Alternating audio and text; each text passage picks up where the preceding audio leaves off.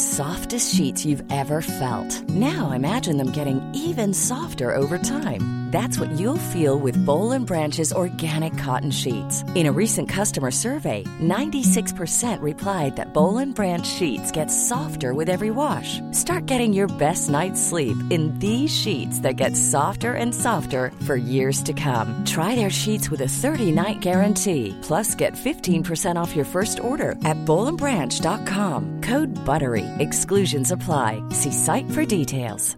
Ready to pop the question? The jewelers at BlueNile.com have got sparkle down to a science with beautiful lab-grown diamonds worthy of your most brilliant moments. Their lab-grown diamonds are independently graded and guaranteed identical to natural diamonds, and they're ready to ship to your door. Go to BlueNile.com and use promo code LISTEN to get $50 off your purchase of $500 or more. That's code LISTEN at BlueNile.com for $50 off. BlueNile.com code LISTEN. Since 2013, Bombas has donated over 100 million socks, underwear, and t shirts to those facing homelessness. If we counted those on air, this ad would last over 1,157 days. But if we counted the time it takes to make a donation possible, it would take just a few clicks. Because every time you make a purchase, Bombas donates an item to someone who needs it. Go to bombas.com slash ACAST and use code ACAST for 20% off your first purchase. That's bombas.com slash ACAST, code ACAST.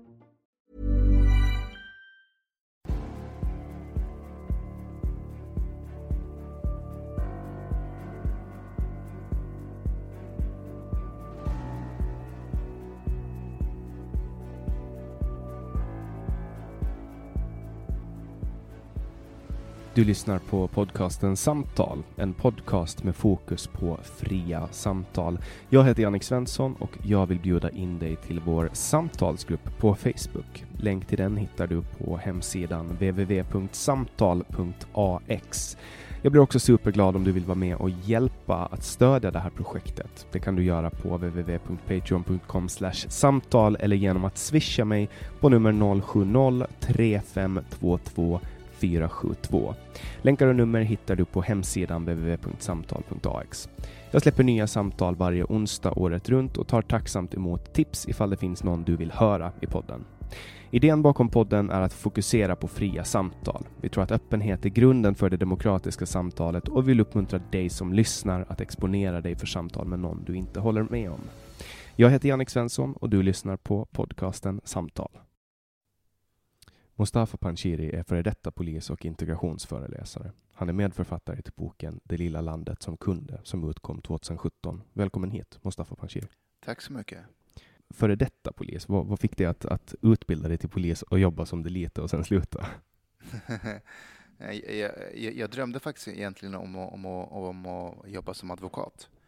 Eh, jag, jag växte upp med, med massa advokatserier när jag var ung. Ehm, sen insåg jag att eh, det där var i USA och inte i Sverige. Så, eh, och då var polis lite mer närmare. Ehm, så jag blev polis och jobbade i Linköping i tre, fyra år. Ehm, och så kom den flyktingkrisen 2015-16.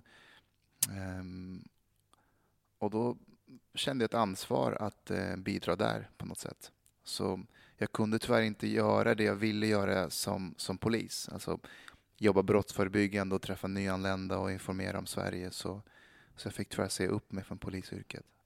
För att kunna göra det? Då? För att kunna göra det helt själv då och, och, och helt fritt också. Det var ju där också att det finns en frihet i att göra det jag gör.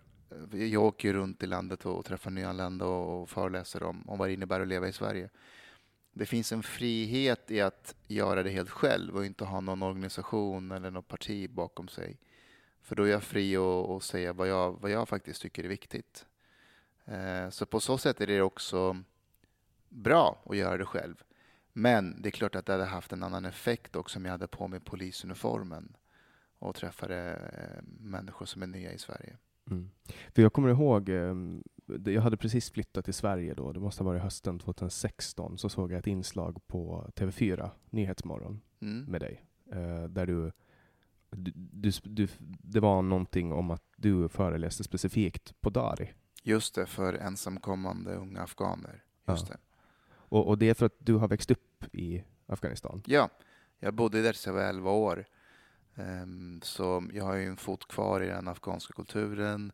Mina föräldrar är därifrån och vi är eh, syskon och sådär. Så, eh, så när det kom en massa unga afghaner 2015, 16 så var det som att jag måste, jag måste göra någonting där och förklara för dem. För det är, det är en jäkla krock alltså att komma från Afghanistan till Sverige. Allt är upp och ner här. Eh, och jag tänkte att det måste vara någon som förklarar för dem. Så som jag önskade att någon fanns för mig när jag kom hit som, som 11-åring, kunde förklara det här världens konstigaste land, Sverige. Vad, vad skiljer mest då om man, om man kommer från Afghanistan, om man har växt upp där och, och flyttar till Sverige? Jag skulle säga att det, det individualistiska eh, i Sverige jämfört med det kollektiva i, i Afghanistan. Där är den största skillnaden. Samtidigt som Sverige ändå är väldigt kollektivistiskt också. Um, det var någon som sa det väldigt bra, att, um, att svenskar, svenskar åker till Ikea och så köper de massa möbler. Och så åker de hem. Det är samma möbler som alla andra svenskar har hemma också. Men man snickrar ihop det själv. Och det, är det, det är det individualistiska. Fast allting ser likadant ut. Ehm, så på ytan, eller under ytan, är ju Sverige väldigt individualistiskt. Sen, eh, förlåt, eh, kollektivistiskt. Men vi har en individualistisk syn på att så här, du vet, skillnaden mellan det här är ditt och det här är mitt. Jag bestämmer vem jag ska gifta mig med, vem, var jag ska bo och så vidare. Men när det kommer till idéer och normer, och värderingar, där är vi väldigt kollektivistiska i Sverige. Så allt det här, du vet, jag får ju en syn på det här för jag kom hit som 11-åring och, och, kan urskilja och, eh, och så. Många invandrare som jag känner kan relatera till det jag pratar om. Däremot är det samtalet väldigt svårt att ha med infödda svenskar. För man är så marinerad i det svenska så man, man är inte medveten om vad den är och vad den innebär. Och det där har satt käppar i hjulet för hela integrationsprocessen delvis. Ehm, att hur ska man integrera människor i någonting man inte vet vad det är? Ehm, så det har varit lite av min uppgift, eller än idag uppgift, att, att, att synliggöra det där och hur man blir en del av det. Mm. Och ditt verktyg har varit att träffa ungdomarna? Träffa ungdomar, prata på deras språk och de känner igen sig själva i mig. Ehm, alltså även om de är från Somalia, Irak, Syrien. För det, det som är intressant är att afghaner, somalier, iraker tycker att de har mycket mer gemensamt med varandra än vad man har med det svenska. Har det att göra med just sättet man har byggt samhälle, att det är mer ett klansamhälle? Ja, alltså det, det är kollektivistiska, familjen är central. Um, de besluten man tar tas, tas också med en hänsyn till vad familj och släkt tycker. Uh, de spelar roll. Medan i Sverige är det i princip tvärtom. Man är, man är frikopplad från, alltså på ett extremt sätt. Um, menar, nu, nu i Stockholm så pratar man om bostadsbrist. Men om man kollar på statistiken så är det 52 procent av stockholmarna som bor ensamma i sina hushåll. Mm. Det, det, det är världsrekord i hela, i, i, liksom på jorden. Det finns ingen, ingen, ingen, ingen stad i världen där så många bor själva i, i, i hushållen. Mm. Så det, det, det är brist på ensamma bo, alltså bostäder där man kan bo ensam i fred, typ? Det är det man pratar om när man pratar om bostadsbrist. Ja, men exakt. För det är inte, det är inte problem med yta. Yta finns ju. Nej, nej, men precis, precis. Så Eh, jag tror att många som kommer till Sverige skulle tycka att det är ganska märkligt att vi inte bor tillsammans med våra, med våra släktingar, med vår, med, vår, med vår familj på samma sätt som man är vana vid. Sen, jag menar, det är klart att vi inte ska bo med våra kusiner här och morbröder, vilket man gör i många andra delar av världen. Men Sverige är verkligen det extrema på andra hörnet och så de länder som Afghanistan, Somalia på andra extrema hörnet. Och ehm, det är en ganska, alltså jag måste ändå säga att, att när man betraktar hur Sverige har hanterat hela migrationen, att det är ganska, det är mycket balls. Alltså att, att experimentera på det sättet som man har gjort. Ehm, så här, men vi, det är därför vår bok heter Det lilla landet som kunde. För det är en referens till en barnbok som kom eh, för jag tror det var hundra år sedan av eh, Watty Pipers. Heter den. Då hette det Det lilla tåget som kunde. Och det, det, det, det är lite tåg som liksom åker och den har inga vagnar eller någonting. Och, och längst resan så, så, så tar han på sig mer och mer last hela tiden. Och säger men jag klarar det, det är lugnt, inga problem. Eh, och så till slut så blir den överfull. Liksom. Eh, så lilla tåget som kunde är ja, lilla landet som kunde. Um, nej, det, eh, just nu är ju vi lite av ett socialt experiment för våra grannländer. Många vill ju veta hur, um, hur det kommer gå för oss och hur vi kommer hantera det här i framtiden. Hur tycker du att det går då, som har varit ute och träffat de här ungdomarna? Och så? Det, det, det, som är, det som är intressant är att det är en sak att sitta bakom en skärm och skriva om hur man ska göra och, och vad som är viktigt. Men, men jag är väldigt glad att jag har liksom, privilegiet att kunna vara ute och faktiskt träffa människor. Um, och, och, och, prata med dem och prata med deras lärare, gode män, socialsekreterare. Man blir lite ödmjuk, alltså, för det finns många experter där ute som skriver om hur, om hur integrationen ska vara, hur den ska fungera. Men det är ganska komplicerat när man väl är där ute. Alltså de teorier man har, eller som man läser om på sociala medier eller politiker som skriver debattartiklar.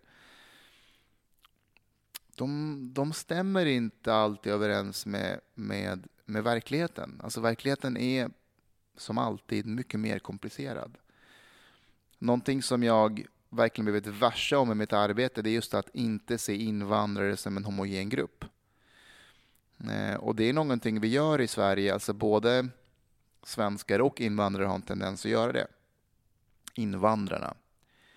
Ehm, men i mitt arbete så kan jag träffa ensamkommande unga afghaner som vet mer om vad ett sekulärt samhälle är, vet mer om demokrati, eh, mänskliga rättigheter än vad en infödd, infödd svensk kan. Eh, sen kan jag träffa ensamkommande unga afghaner som inte vet vad en kondom är när man använder den. Så det finns liksom, det finns en diskrepans där. Och, och då är det att verkligen möta varje individ där de är. Eh, Just eh, Afghanistan har ju haft, det har varit stor utflyttning från Afghanistan till Sverige. Uh, och det har ju bland annat varit den här skollagen, vad heter den, gymnasielagen. Just uh, som främst då berörde killar från Afghanistan. Mm. Um, och, och, det var, jag kommer ihåg, jag bodde i Stockholm då, den här Medborgarplatsen, när de satt på den här trappan mm. uh, en hel sommar, sommaren 2018. Just det. 2017 kanske. Um, då såg man ju verkligen att, att det här var ju en grupp som, om man nu ska prata om grupper som, som stack ut, de, de hade liksom, ja men de, de hade de hade en, en, unik situation på det sättet att de fick vänta väldigt länge. Vad var det, två och ett halvt år många mm, fick vänta på sina mm. beslut. Kommer du ihåg vad, vad var det som berodde på att de fick vänta så länge? Alltså jag tror inte att de fick vänta mer än andra, utan det var ju ett sånt tryck på på hela processen så, så, så det tog tid för, för många, inte bara dem. Eh, och sen var det det här med, först så sa man att det inte skulle vara några åldersbedömningar på dem. Sen bestämde man att det skulle visst vara åldersbedömningar på dem. Så det tog i och för sig tid. För om jag förstod det rätt så var det främst afghanska unga män som påverkades av det här. Jag tänkte att det hade något med myndigheterna att göra där, eller? Nej, alltså egentligen så drabbades ju alla ensamkommande unga men majoriteten av dem var ju afghaner. Och de gjorde ju en väldigt, ska man säga, lyckad eh, PR med, med hon Fatima Kavare som var ute i media mycket och politiker som, som slöt upp bakom dem och, och gick med på den här gymnasieamnestin. Då. Um, så det ska de ha all cred för att de, att de syntes och hördes i, i, i frågan. Men det var ju, det var inte bara de som påverkades, alltså det fanns ju unga mm, eritreaner som också påverkades av det. Men, men afghanerna var de som syntes utåt. Mm. Hur, hur upplevde du hela den eh, den grejen, alltså just med att man, man tog igenom den här lagen. För jag menar, du hade ju ändå varit ute och träffat alla de här, Mm. eller inte alla, men många av dem. Alltså det var ju lite som en fars, därför att många jag träffade...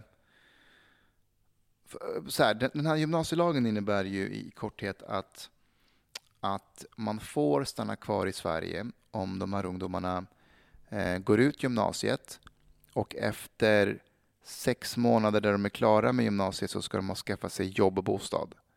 Då får man stanna kvar i Sverige. Eh, alltså fast jobb då. Ehm, det här är någonting som inte ens infödda svenskar klarar av. Eh, så det var en slags hinderbana som de skulle ta sig igenom. Ehm, och när det här kom så sa jag att det här, det, här, det här kommer inte gå. Så jag var helt för att man skulle ge dem full amnesti. För att hellre full amnesti, ta en massa skit. Alltså de politikerna som, som gick med på det kunde säga så här, okej, vi har gjort bort oss, det här har inte gått så bra. Vi tar hela smällen, vi ger dem amnesti. Vi, vi, först sa vi att de skulle åldersbedömas, sen bestämde vi att, eh, att de skulle göra det. Men, det har inte gått som vi har tänkt oss. Så vi gör det här nu, vi ber om ursäkt, det blev lite fel. Eller att man ska säga så här, vet du vad, det blir ingen amnesti, nu får faktiskt lämna landet. Det hade jag också varit för. Nu, nu kändes det lite som att de bara så här, ja men vi har ju valet som kommer snart, att vi skjuter det framför oss. Mm, mm, Det var min uppfattning. Precis. Också att lagrådet gick ut och bara totalsåga lagen. mm. Och de ungdomarna som jag träffar, träffade under den, den tiden, de sa ju samma sak till mig, att varför är, ni, varför är man så otydlig i Sverige? Eh, hellre att man utvisar oss, då kan vi åka till Frankrike och så kan vi börja om på nytt där.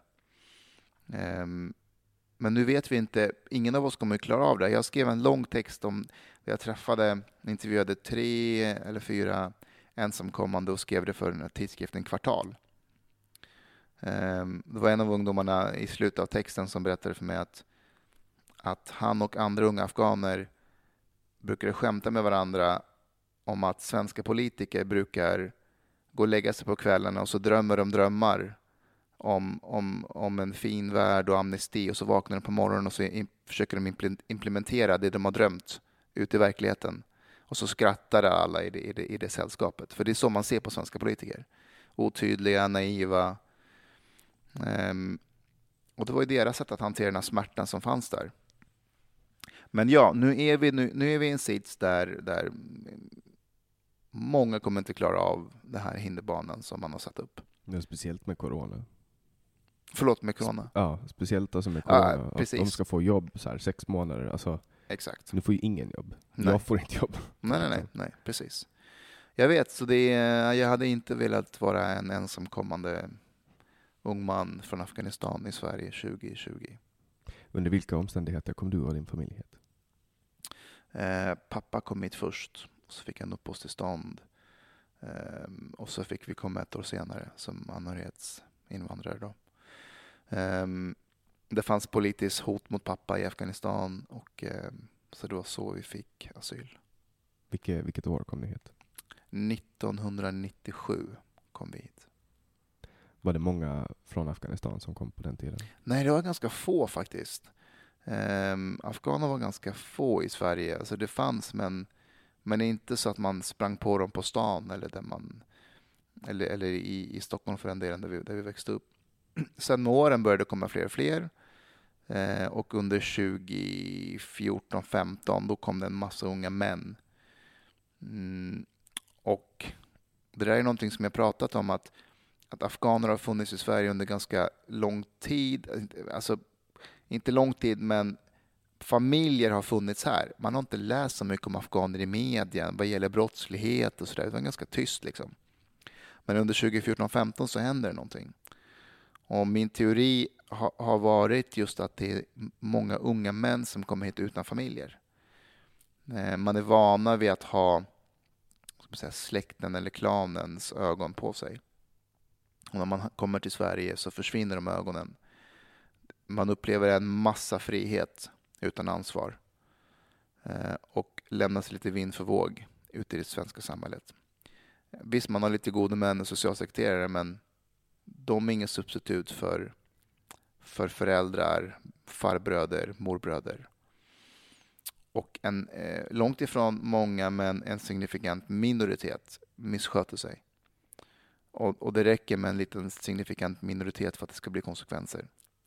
Och, och så, speciellt under 2015-16 så läste vi mycket om afghaner i media eller alternativ media eh, kopplat till, till, eh, till brottslighet. Det var ju en form av brottslighet som stack ut och det var just eh, sexuella övergrepp mot små pojkar. Kommer du ihåg? Just det, det var, just det, det de var här, Expressen som gjorde någon, mm, de granskade alla domar. Eh, vad, beror, vad, vad beror det på? För det hade ju Sverige inte på något sätt liksom varit med om innan. Nej. Det var inte ett brott som man inom polisen kände till så värst mycket. nej. Alltså det, det, det du pratar om heter eh, bachabasi. Det är eh, grovt översatt så betyder det pojklekar. Men det, det är ett fenomen som förekommer i Afghanistan där um, unga pojkar våldtas av, um, av äldre män. Oftast kan det vara alltså, generaler i armén, det kan vara rika män. Och en anledning, inte hela förklaringen, men en anledning är att kvinnor har inte plats i det offentliga rummet på samma sätt som män har. Ehm, så de här unga pojkarna blir ett slags substitut för, för kvinnor. Man klär dem till och med i kvinnokläder och så får de dansa på privata fester och så våldtas de efteråt. Och det här är ett fenomen som, som kom till Sverige i samband med just eh, migrationen 2015 med ensamkommande. Så det som hände var ju att i och med att man inte hade åldersbedömningar så placerade man ju också vuxna på de här boendena för barnen. Så vuxna och barn delade boenden. Och då var det en del vuxna som, eh, som i grupp våldtog andra unga pojkar. Eh, och det här är ett fenomen som, jag ska inte säga att det aldrig har funnits i Sverige tidigare, men det finns inga rapporter om det från polisens sida, där unga män i grupp våldtar andra unga, unga män. Eh, och jag tror att vi hade ett 15, 15 ungdomar som fälldes under 2015 för det här. Och jag tror att det finns ett större mörkertal där ute. För det är inte alltid att man pratar om det här. Det är, det är mycket stolthet och heder som står på spel. Och, ehm, en del av de här fallen var riktigt, riktigt grova. Hur, hur, alltså visste Migrationsverket om att det här eh, var någon form av, att det var en grej i Afghanistan? Nej, ingenting. Utan det var först eh, när jag började åka runt och, och prata om det här på, på, mina bo, på boendena till gode männen, lärarna på skolan. Eh, och när vi såg fall på fall, då började man förstå mer och mer. Men inte i början. Alltså jag ringde under 2015 runt i kommunerna och berättade att hörni, ni, det kommer en massa unga män, jag jobbar som polis, eh, jag skulle kunna komma och, och, och, och, och träffa dem, men också träffa er och förklara kulturkrockar som kan uppstå och hur man kan hantera dem. De tyckte det var en jättebra idé. Men de sa att just nu har vi inte tid för integrationsfrågor utan vi ska försöka fixa mat och husrum eh, för dem. Eh, mycket logistikfrågor. Och när det är på det sättet då, då har man ingen bra plan för, för integrationen. För eh, de frågorna som, som jag lyfter, de, de ska lyftas från dag ett. Mm. Vad, vad, vad, gjorde att det var för att, om jag minns det rätt just med den här krisen då, alltså 2015-16, så var det kriget i Syrien som, mm. som, som eldade på den. Men Afghanistan var väl inte krig då, om jag minns det rätt? Nej, och många kommer från Iran också. Um, alltså visserligen har du ju um, armén, alltså Afghanistan är ju en slags krig, skulle man kunna säga. Och det är ju ett instabilt land. Absolut, det är det. Um, men nej, alltså flyktingkrisen handlade ju främst om, om syrier. Sverige sa att vi, vi ska hjälpa människor från Syrier. Um, men när man öppnar dörrar och inte har kontroll på vem som kommer in, ja, då, då, och det sprids runt om i världen att Sverige har öppna gränser i princip. Jämfört med andra länder så välkomnar vi människor. Ja, då såg ju de här ungdomarna i Iran, eh, afghaner i exil i Iran, chansen att också tas över. Och, och, det är då specifikt en förtryckt grupp i, i Afghanistan som har flytt? Just det, hazarer kallas de. Och det är de som pratar dari? Alla pratar dari egentligen i Afghanistan. Vi har två officiella språk, dari och pashto. Um, hazarer pratar dari Eh, och det är, ett, det är en dialekt från Iran. Så persiska och dari är som typ svenska, norska. Man Mm. förstår varandra hyfsat bra. Eh, ja, så det var, det, var, det var de som kom. Det är en förtryckt grupp i Afghanistan historiskt sett. De har ett mongoliskt utseende oftast. Eh, och de är också shia-muslimer. Majoriteten av afghanerna är ju sunnimuslimer och alla andra folkgrupper är sunni. Men eh, eh, hazarerna är den enda som är, som är shia. Och vilken är det som är hardcore eh, av de två? Sunni eller shia? Det kan man inte säga att någon är hardcore. Båda har olika tolkningar. Alltså om så här, IS, Al-Qaida, det är ju sunnimuslimer. Mm. Eh, Medan andra eh, religiösa extremister i, i, Iran och Irak kan vara shia. Så man kan inte säga att någon är mer extrem än den andra. Okej, så det går inte att jämföra med typ eh, kristen protestantism och eh, katolicism? Nej, utan man har sina extrema, extrema element i, i bägge delarna. Okej. Det är egentligen inte alls mycket som skiljer eh, de här grupperna från varandra, eller de här två religiösa tolkningarna, utan det är små, små skillnader egentligen i, i vissa sätt att be, ehm, eh, vem som ska vara arvtagare efter profeten Muhammed, bland annat. Annars är de väldigt lika varandra. Och, och de kan leva tillsammans då? Ja, alltså... ehm, Gå till samma moskéer? Ja, nu blir det lite kruxigt där. Ehm, så när jag träffade gode män under 2015 och 2016 så kunde de berätta för mig att de hade unga afghaner som, eh, som var shia och de ville gärna åka och besöka moskén i Sverige. Och så åkte man med dem till, du vet, de googlade så här, moské i Hudiksvall. Och så gick man med dem dit och när de kommer ner så säger de här killarna att eh, vi, vi kan inte vara i den här moskén. Och gode man säger varför inte? Jo, men ingen har kommit fram och sagt någonting till oss. Vad menar du? Nej, men vi ska inte vara här. Jag ser det på blickarna, jag ser det på människorna att vi inte kan vara här. och, och det är inte så att den här moskén utåt har sagt att den här moskén är bara för sunnimuslimer i Sverige. Nej, nej, nej. När du kommer in där så vet du att det här är sunni, sunnisk eh, eh, moské. Och säg att svenska myndigheter får reda på det här på något sätt och de går ner och pratar med de här människorna eh, som driver moskén. Att, Eh, vi har hört att inte shia-muslimer får komma in här. Och då säger man bara oj, ja, alltså vi hade en, en, en incident här där det kom en, en man som var shia-muslimsk och, och vi försökte faktiskt prata med honom och sa att han är välkommen här, det är inget problem. Men eh, eh, det funkade inte, han ville inte komma mer. Så det blev som det blev.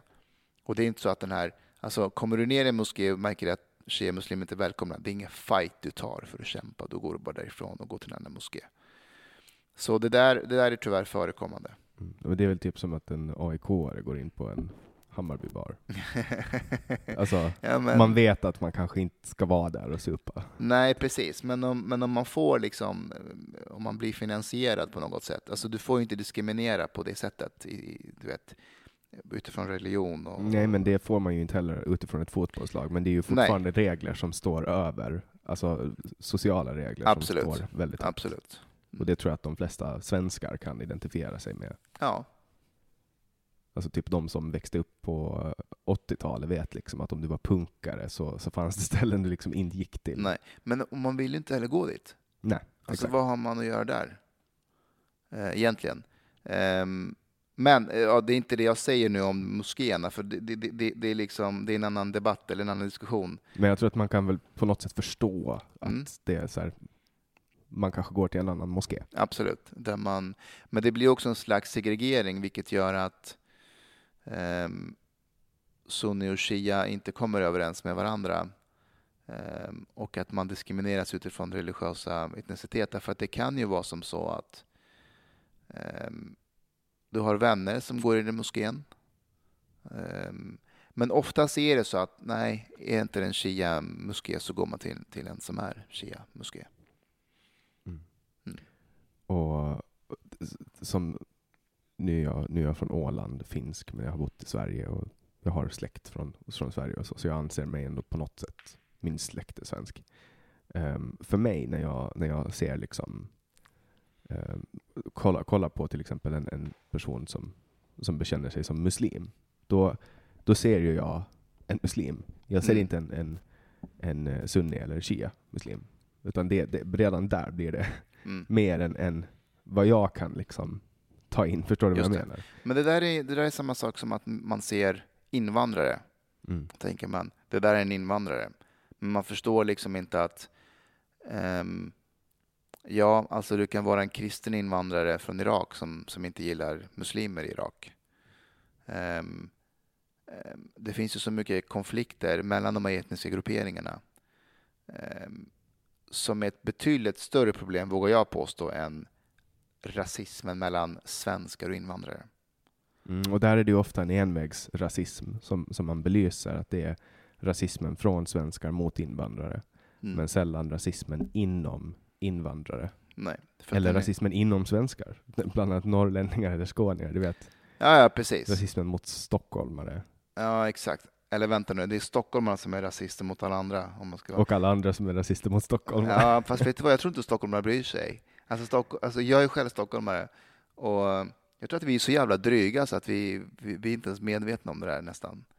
Ehm, när jag är uppe, när jag är uppe, um, uppe i landet.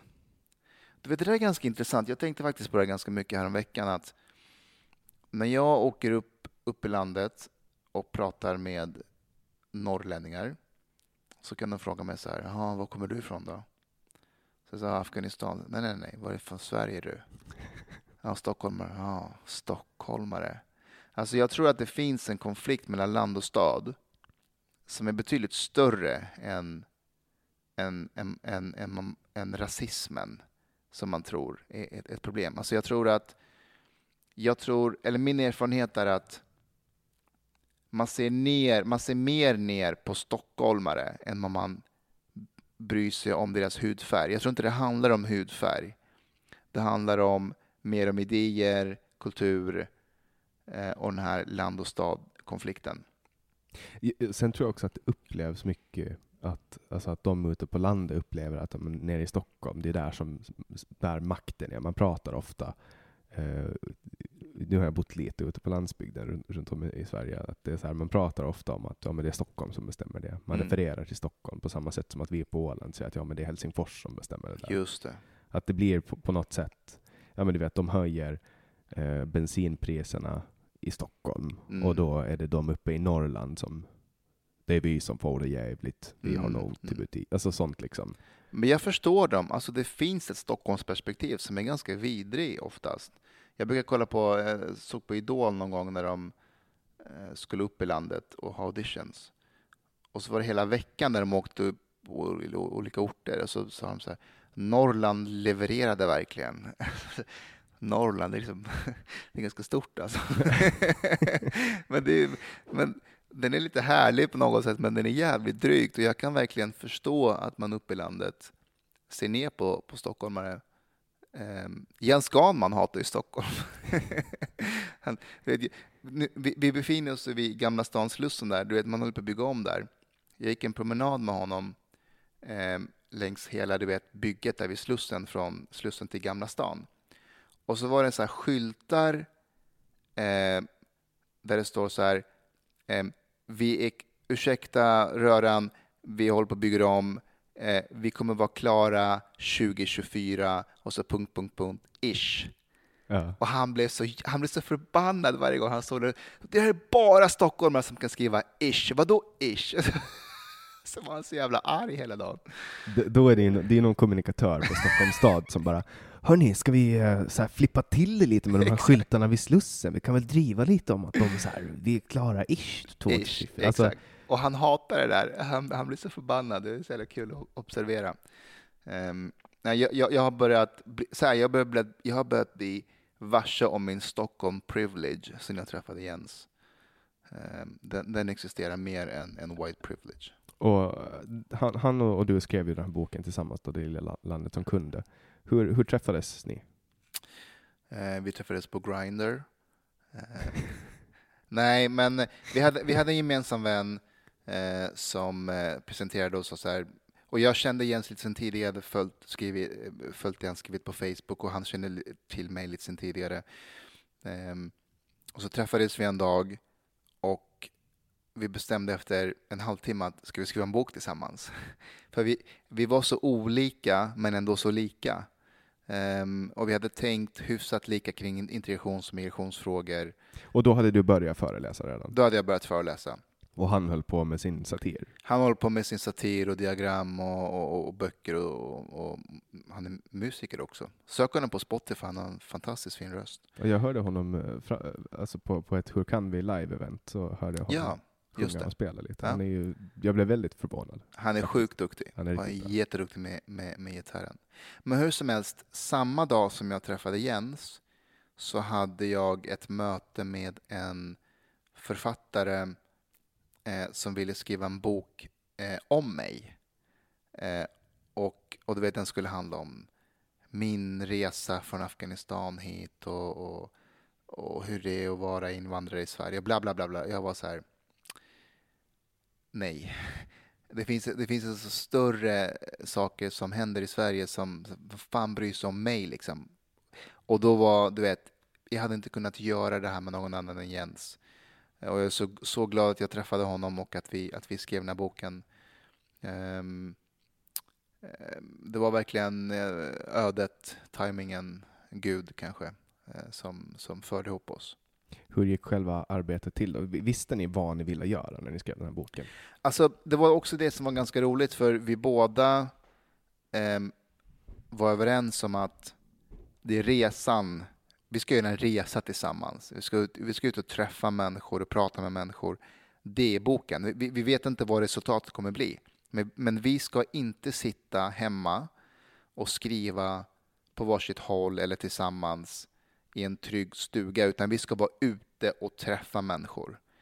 Um, så du vet, första kapitlet i boken börjar med att vi åker till Japan uh, för att jämföra svensk migrationspolitik med, med japansk migrationspolitik. Och det är här ni, ni åker till ett fängelse och frågar varför det inte finns droger? Nej, nej, nej, utan i boken beskriver vi att Beatrice Ask hade varit på besök i Japan och hon hade varit på ett fängelse och frågat... För den här anekdoten har jag hört någonstans. Hon hade frågat eh, typ fängelsevakterna eller fängelsedirektören att Eh, hur gör ni med droger på fängelset? och då hade de sagt, vad menar du? Ja, men hur gör ni med att stoppa in, liksom, hur gör ni med drogerna? Och de sa, men det, det här är fängelse, det finns inga droger här. och så hade hon varit på en tunnelbana där de håller på att eh, renovera någonting. Så det var massa dyra maskiner på naturbanan. och när de var klara liksom för dagen med arbetet så lät de maskinerna stå kvar och så hade de ett band, alltså jag tänkte ett polisband liksom, runt de här maskinerna. Så här. Eh, typ, vi återkommer imorgon, rör ingenting. Så här. Och då hade hon frågat de som jobbar där att oj, men hur ser ni till att de här maskinerna inte, att man inte liksom stjäl dem? Och då hade de sagt, ja men alltså vi har ett band kring det. och, då, och då hade de sagt, men, men hur ser ni till att de faktiskt inte går innanför bandet och tar det? Ja, för att det står på bandet att man inte får gå innanför. Det är väldigt... det är lite annorlunda mentalitet.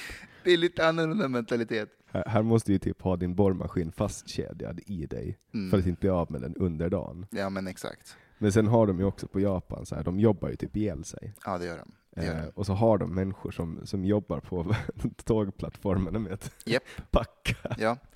De har en massa enkla jobb. Så i, i eh, alltså folk som står och, du vet, när du ska gå på ett museum eller sådär, så har du folk som står 100 meter från museidörren och bara ”där är dörren” och när du kommer till dörren så guidar de dig till hissen. Och när du kommer till hissen så är det nya som trycker på hissdörren. Och, och, och Jens och jag skriver i boken att Japan är ett samhälle som Annie Lööf hade älskat. Enkla jobb överallt.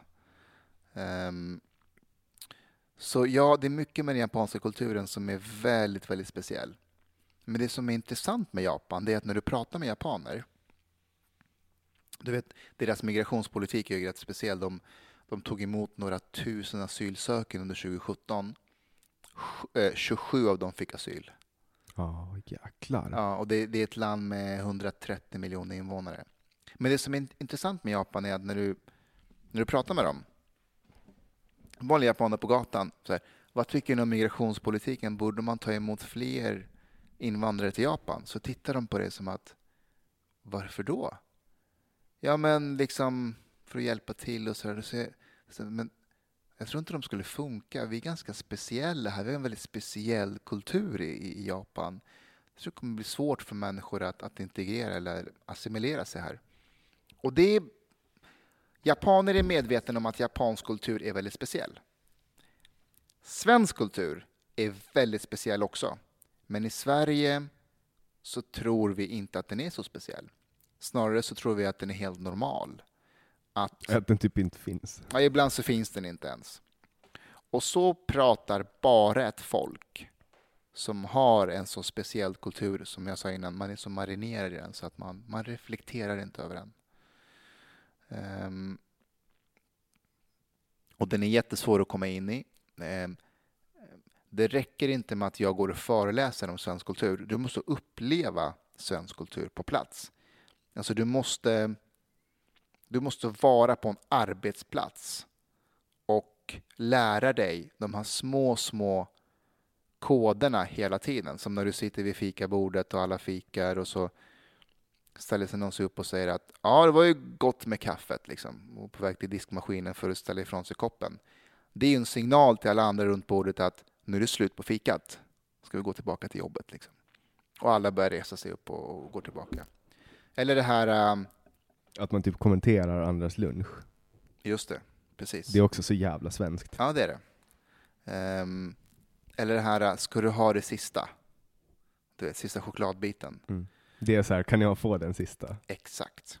Uh, jag har en vän som, som uh, berättar en rolig story med två afrikanska utbytesstudenter som hade uh, kommit till Sverige, gick på universitet här.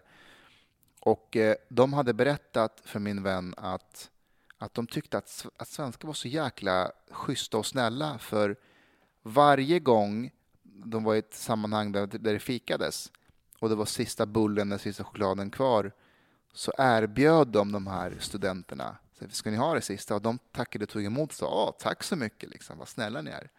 Fan vad dryga. ja, exakt, så jävla snälla sa de. Och, då, och då förklarade min vän att alltså, det de menade egentligen är att det är de som ville ha den, så de är artiga och erbjuder dig. Det är, liksom, det, det, det är, en char, det, det charader. Och då insåg de att, ah, okej. Okay. um, man pratar ju tvärtom språk. Hela tiden. Hela tiden. Um, till exempel, Mauricio Rojas skrev i sin bok Förväl till gemenskapen om hela den här jantelagen. För att den styr ju mycket att Alltså om någonting är väldigt bra också i Sverige med svensk kultur så, här, så kan vi inte heller säga det. Och det är en slags överlägsenhet egentligen. För att det här med att svensk kultur inte existerar, alltså det är ju charader också. Det är skitsnack. Svenskar älskar svensk kultur innerst inne. Svenskar tycker att svensk kultur är det, den bästa jävla kulturen i hela världen. Men man tycker att den är så jävla överlägsen så att det är taskigt att säga det. Mm. Så när man säger så här, åh, liksom, eh, ni verkar ha så spännande kultur i era hemländer och eh, eh, ni har förstått hur man liksom lever livet egentligen och så där. Vi är så töntiga, vi, vi är så tråkiga i Sverige. Fast fråga dem. Kolla på svenskar. Följer de afrikansk barnuppfostringsmetoder? Nej, de följer den svenska barnuppfostringsmetoden. Um, köper de tysk kött på ICA? Nej, det är fucking svensk kött som gäller. Så det... Man menar inte det egentligen när man säger att Åh, vi är så töntiga. Egentligen tycker man att vi, vi är så jäkla bra. Vi är bäst. Men vi vill inte säga det för det är lite taskigt att klappa andra på huvudet och säga. Ta den här med coronastrategin. Alltså, jag tror att många svenskar när, de, när man säger så här att vår strategi skiljer sig från alla andra strategier i hela världen. Vanligt folk blir så här, oj, eh, det där är ju inte så bra. Varför gör det det? Och vad har resultaten blivit? Men jag tror att många svenskar tänker, va? Ja, gör den det? Alltså, vi är unika. Vår strategi skiljer sig från andra delar av världen. Jag var, jag var för ett tag sedan var jag med i den här omskärelsedebatten, du vet omskärelse på, på små pojkar. Det blev en stor grej och vissa partier vill ju fortfarande förbjuda det. Var står du där det kommer till? Jag eh, har inga problem med det och, eh, och, och, och, och, hela min grej var att vad kommer hända om man liksom förbjuder det? Vad blir det, vad blir det för, för utfall? För jag är ju intresserad av utfallet. Eh, hur som helst, för att göra en lång historia kort, jag var med på TV4. Eh, eh, det blev en debatt om frågan. Och, ehm, ehm, och då säger jag i, på TV4 att, ehm, att om vi förbjuder det här i Sverige så blir vi det första landet i hela världen som förbjuder det. Och det är någonting som Hans Rosling har sagt att om, om vi gör det så blir vi första landet i hela världen och att det kommer vara helt vansinnigt. Vi kommer, vi kommer vara helt anomali med resten av världen. Man får väldigt många ovänner. Precis. Men, så när jag, var, när jag förklarade Hans Rosling är liksom helgonförklarad i Sverige. Klar med debatten och åker hem, då ringer Ganman mig.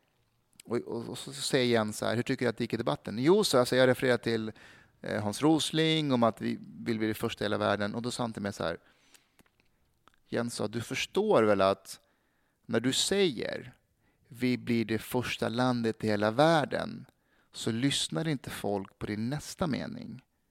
Utan svenskar tänker, blir vi det första landet i hela världen? Ja, för att vi är Sverige. Vi ska ju upptäcka Vi ska vara de första som gör det här. Moraliska supermakten. Exakt. Och de, de skiter i Hans Roslings referensen sen, utan man vill vara först i hela världen.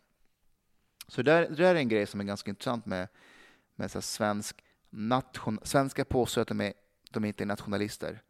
Svenskar är sjukt jävla nationalistiska av sig. Och den, det, är en, det är en sorts nationalism som är under ytan. Man förnekar den. Men den är, den är sjukt stark. Eller kanske man kan säga svensk exoptionalism då. Ja, det är bara att kolla på sättet eh, svenskar inte tycker om finnar eller norrmän. Mm, precis. Det, man kan ju inte, man kan ju inte eh, motsätta sig en nation om man inte känner en tillhörighet till sin nation. Mm. Absolut, absolut. Um, så jag, jag, du vet, den är, den är ganska svår för med, med integrationsprocessen så, så säger man inte till människor att ja, men det här är Sverige, det här, är, det här är vad vi förväntar oss av dig, eh, det här är vad som är bra med vår kultur och det här är vår kultur. Istället säger man så här, ja, men var det bara själv, kommer gå jättebra. I Sverige är man sig själv, du behöver inte tänka på, vi är så töntiga i Sverige. Och då tänker många invandrare att ah, då ska jag bara vara mig själv, det finns ingenting att anpassa sig till. Eh, sen märker man att det stämmer ju inte. Det finns en massa koder hela tiden, en massa grejer att integrera sig in i som du måste lära dig. Allt det här som svenskar påstår att de tycker är töntigt, det följer de slaviskt. Allt det här, åh, vi är så töntiga midsommarafton, nej, man följer det slaviskt. Vi är så tråkiga som inte sätter oss bredvid varandra på bussen. Ja, fast man följer det slaviskt. Man tycker det är viktigt att stå i kö, att, göra, att inte prata högt.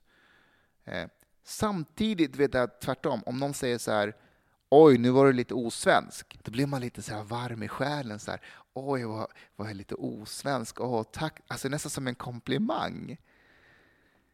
Men Egentligen inte. Det, här, alltså det är ett väldigt märkligt land att, att vara i och, och, och observera det här. De, de gjorde ju i dokumentärfilmen A Swedish Elephant, som, som finns på, på Youtube, så, så går de och gör så enkätundersökningar på stan där de frågar folk så här, vad är svensk kultur? Mm. Uh, och det är ganska intressanta svar folk ger. Um, många säger ju att ja, men det är svensk kultur, ja, men det är midsommar, och det, det är en tradition. Mm. Och sen någon annan som nämner liksom um, de nämner liksom historiska saker som egentligen inte har med kultur att göra. Det är nästan som att folk menar att men det finns ingen svensk kultur. Mm. Det är mm. flera som säger också att det finns ingen svensk kultur. Och, och, och sen på, som automatiskt så är vissa av de här som svarar på de här frågorna är så här Ja, nej men alltså svensk kultur, det har med det är att vi är jättemånga olika kulturer. Liksom. Det är svenskt. Och det, är så här, det är som att folk är hardcodade att svara rätt på den här frågan. Det här är ett eldprov, om du svarar fel, då kanske du uppfattas som rasist. Liksom. Just det, just det. Eh, så att det, må, många svar upplevde jag att vara lite så här programmerade. Mm, mm. Men som, som ålänning så är det inte svårt för mig att säga svensk kultur. Nej. Alltså om du frågar en afghan vad är afghansk kultur, då kommer du få svar. Det här är afghansk kultur, det här är inte afghansk kultur. Somalier kommer säga samma sak. Um, men ja, men jag tror att det här med att det inte finns en svensk kultur, jag tror att det, det är en slags överlägsenhet egentligen som pratar. Um, jag träffade en man på en föreläsning från Chile. Han berättade för mig att han har bott i Sverige över 30 år och att han eh, jobbat i skolan under de åren. Eh, och att alla de här åren så berättade han för mig att svenskar som han har träffat, kollegor, eh, vänner, vänner, har alltid sagt så här, åh, det är så spännande med, med, med invandring, med mångkultur och ni bidrar med så mycket olikheter och bla bla bla. bla. Och då sa han till mig så här, under de här 30 åren, det är ingen som har frågat mig så här, Berätta lite om, om Chile, om, om politiken i Chile. Vad tycker man är viktigt med, med kulturen i Chile? Berätta lite om hur man uppfostrar barn i Chile. Vad är det som skiljer åt och vad är viktigt? Vad kan jag lära mig av chilensk uppfostringskultur? Nej, för att man har en övertygande föreställning om att det är, den svenska, det, är det svenska sättet, det är det rätta sättet. Och kommer du från Chile, du är lite spännande och exotiskt. Men du ska göra som oss. Vi kommer inte tala om för dig vad göra som oss är. Men när du ser hur vi gör, då kommer du bara, det här är ju awesome. Så här borde jag också ha gjort. Det finns, det, det finns ett ytligt intresse för det, mång, för det mångkulturella. Det, det är lite det som jag tror att, som att det gör att det blir svårare att vara lite autistisk i Sverige. Mm. Att liksom inte kunna lära sig de här informella reglerna, för att det finns ju ett sätt man verkligen ska föra sig. Mm. Jag, jag, jag, jag stötte på de kulturkrockarna i början som jag bodde i Sverige, för att jag kommer från Åland, och där, där är man ganska så här, alltså, går du i en matbutik på Åland, eh, då, då, tittar man folk i ögonen och man, man kan, det är okej okay att kommentera, det är okej, okej att prata med folk. Mm. Eh, det är helt okej att bara säga så här, eh, säga någonting.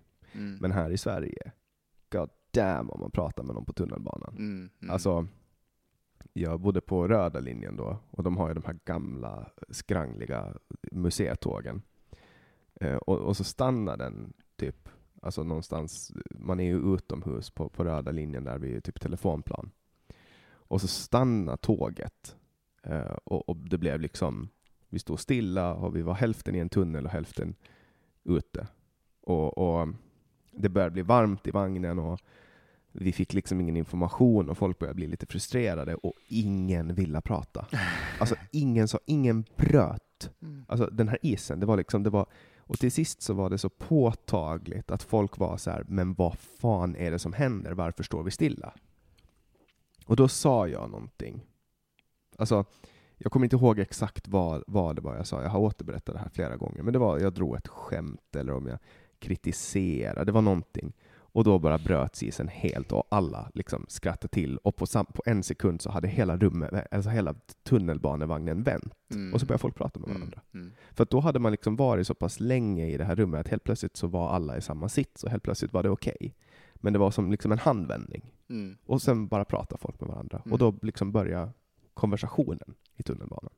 Just det. Och, och, det var så påtagligt för mig, för att nu så går man i en matbutik och liksom man, man, det är meningen att man ska låtsas som att människor inte finns mm, mm. när man är i Sverige. Men vet du vad? Jag, jag, tror att det där är en, en storstadsmentalitet som är väldigt specifik för Stockholm.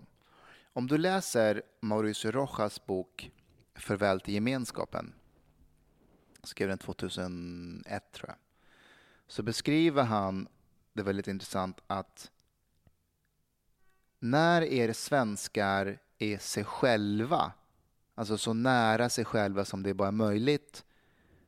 De öppnar upp, De tittar varandra i ögonen, de pratar med varandra, de är spontana, de bjuder in människor. Det är när de lämnar storstan och åker ut på landet. Ja, när man är på semester. När man är på semester, då är man sig själv. Och han förklarar det som att svenskar är egentligen bönder. Man lämnade landet för alltså är det 100 år sedan lite mer för att åka till storstan. Man är inte van fortfarande vid den här storstadsmiljön. Man känner sig inte riktigt hemma här. Och han tar så många eh, intressanta exempel som att om du tittar på så Rom eller, eller Madrid och observerar hur eh, italienare, spanjorer rör sig i storstan där. Man strosar omkring. Man, man, man har en erfarenhet där, man, man är lugn där.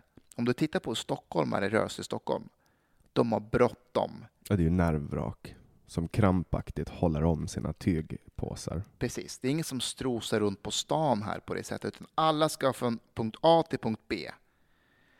Man är inga storstadsmänniskor. Men när man lämnar storstan ute på landet, då är man sig själv. Då hälsar man på grannarna på, på ett mer avslappnat sätt. Man, är, man bjuder in grannarna på ett annat sätt. Eh, laddar om batterierna för att sedan åka tillbaka till storstan. Det är mycket, det är mycket charader, alltså mycket teater i Stockholm också, mm. tänker jag, med eh, kläder, med bilar, med utseendemässigt. Det är liksom mycket fasad. Mm. I, I, vissa delar. Alltså, Stockholm, du kan ju åka från du kan åka tio minuter på tunnelbanan och hamna i ett helt annat oh ja. universum. Mm. Det är också ganska slående. Att mitt perspektiv när jag bor i Stockholm så är det typ, jag har bott på Södermalm och så har jag jobbat på Östermalm. Mm, och då mm. ser man ju verkligen bara en del av Stockholm. Oh ja, oh ja, absolut.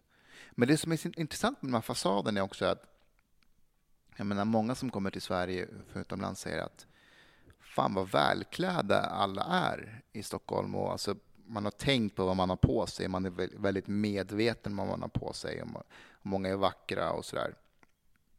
Men också det här tvärtom-språket. För om du, om du säger till en svensk eller en svenska Åh, vilken vacker klänning du har.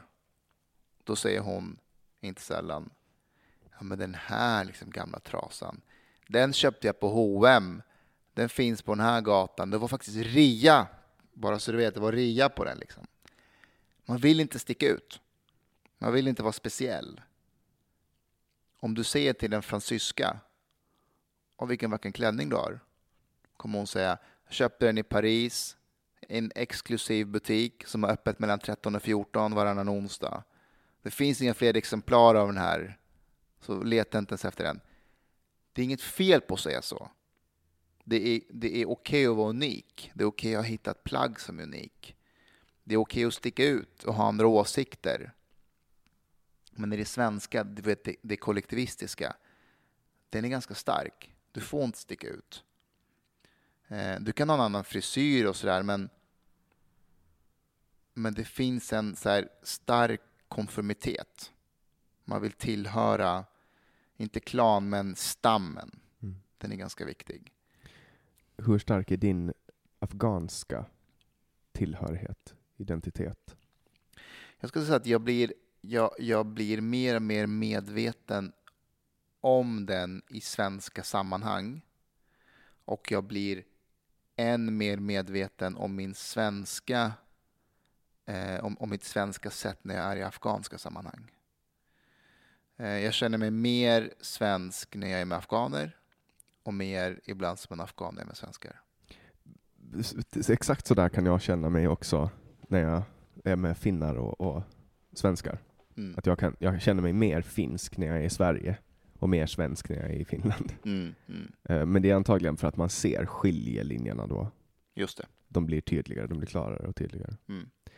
Eh, besöker du Afghanistan? Nej, jag har faktiskt inte varit där på, ja, sen jag flyttade därifrån. Får du åka dit? Ja, då, det är inga problem. Det har bara inte blivit av. Och när jag jobbade som polis så ville jag gärna åka ner, men mina släktingar, det var lite oroligt där och, och de tyckte att det kunde finnas en risk, alltså en hotbild mot mig i och med att man kunde säga att han är polis i väst. Liksom. Och visst, nio av tio skulle inte bry sig, men det kan vara en tionde som... Så jag valde att inte åka ner. Men jag kanske gör det i framtiden någon gång. Så jag var ju så liten när jag lämnade och jag vet att det är ett väldigt vackert land. Jag har en vän som jobbar inom Försvarsmakten eh, som har varit där vid tre tillfällen och tjänstgjort. Och han säger att det, det är ett väldigt, väldigt vackert land. Och, så jag vill gärna ner någon gång och, och uppleva det. Den här politiska instabiliteten som, som pågår i Afghanistan, vad, vad, vad ligger till grund för det? För Afghanistan var väl ändå ett ganska sekulärt land om man kollar tillbaks till alltså 70-talet, före 70-talet? Alltså det där är en sanning med, med, med modifikation. Um, Kabul var mer sekulärt.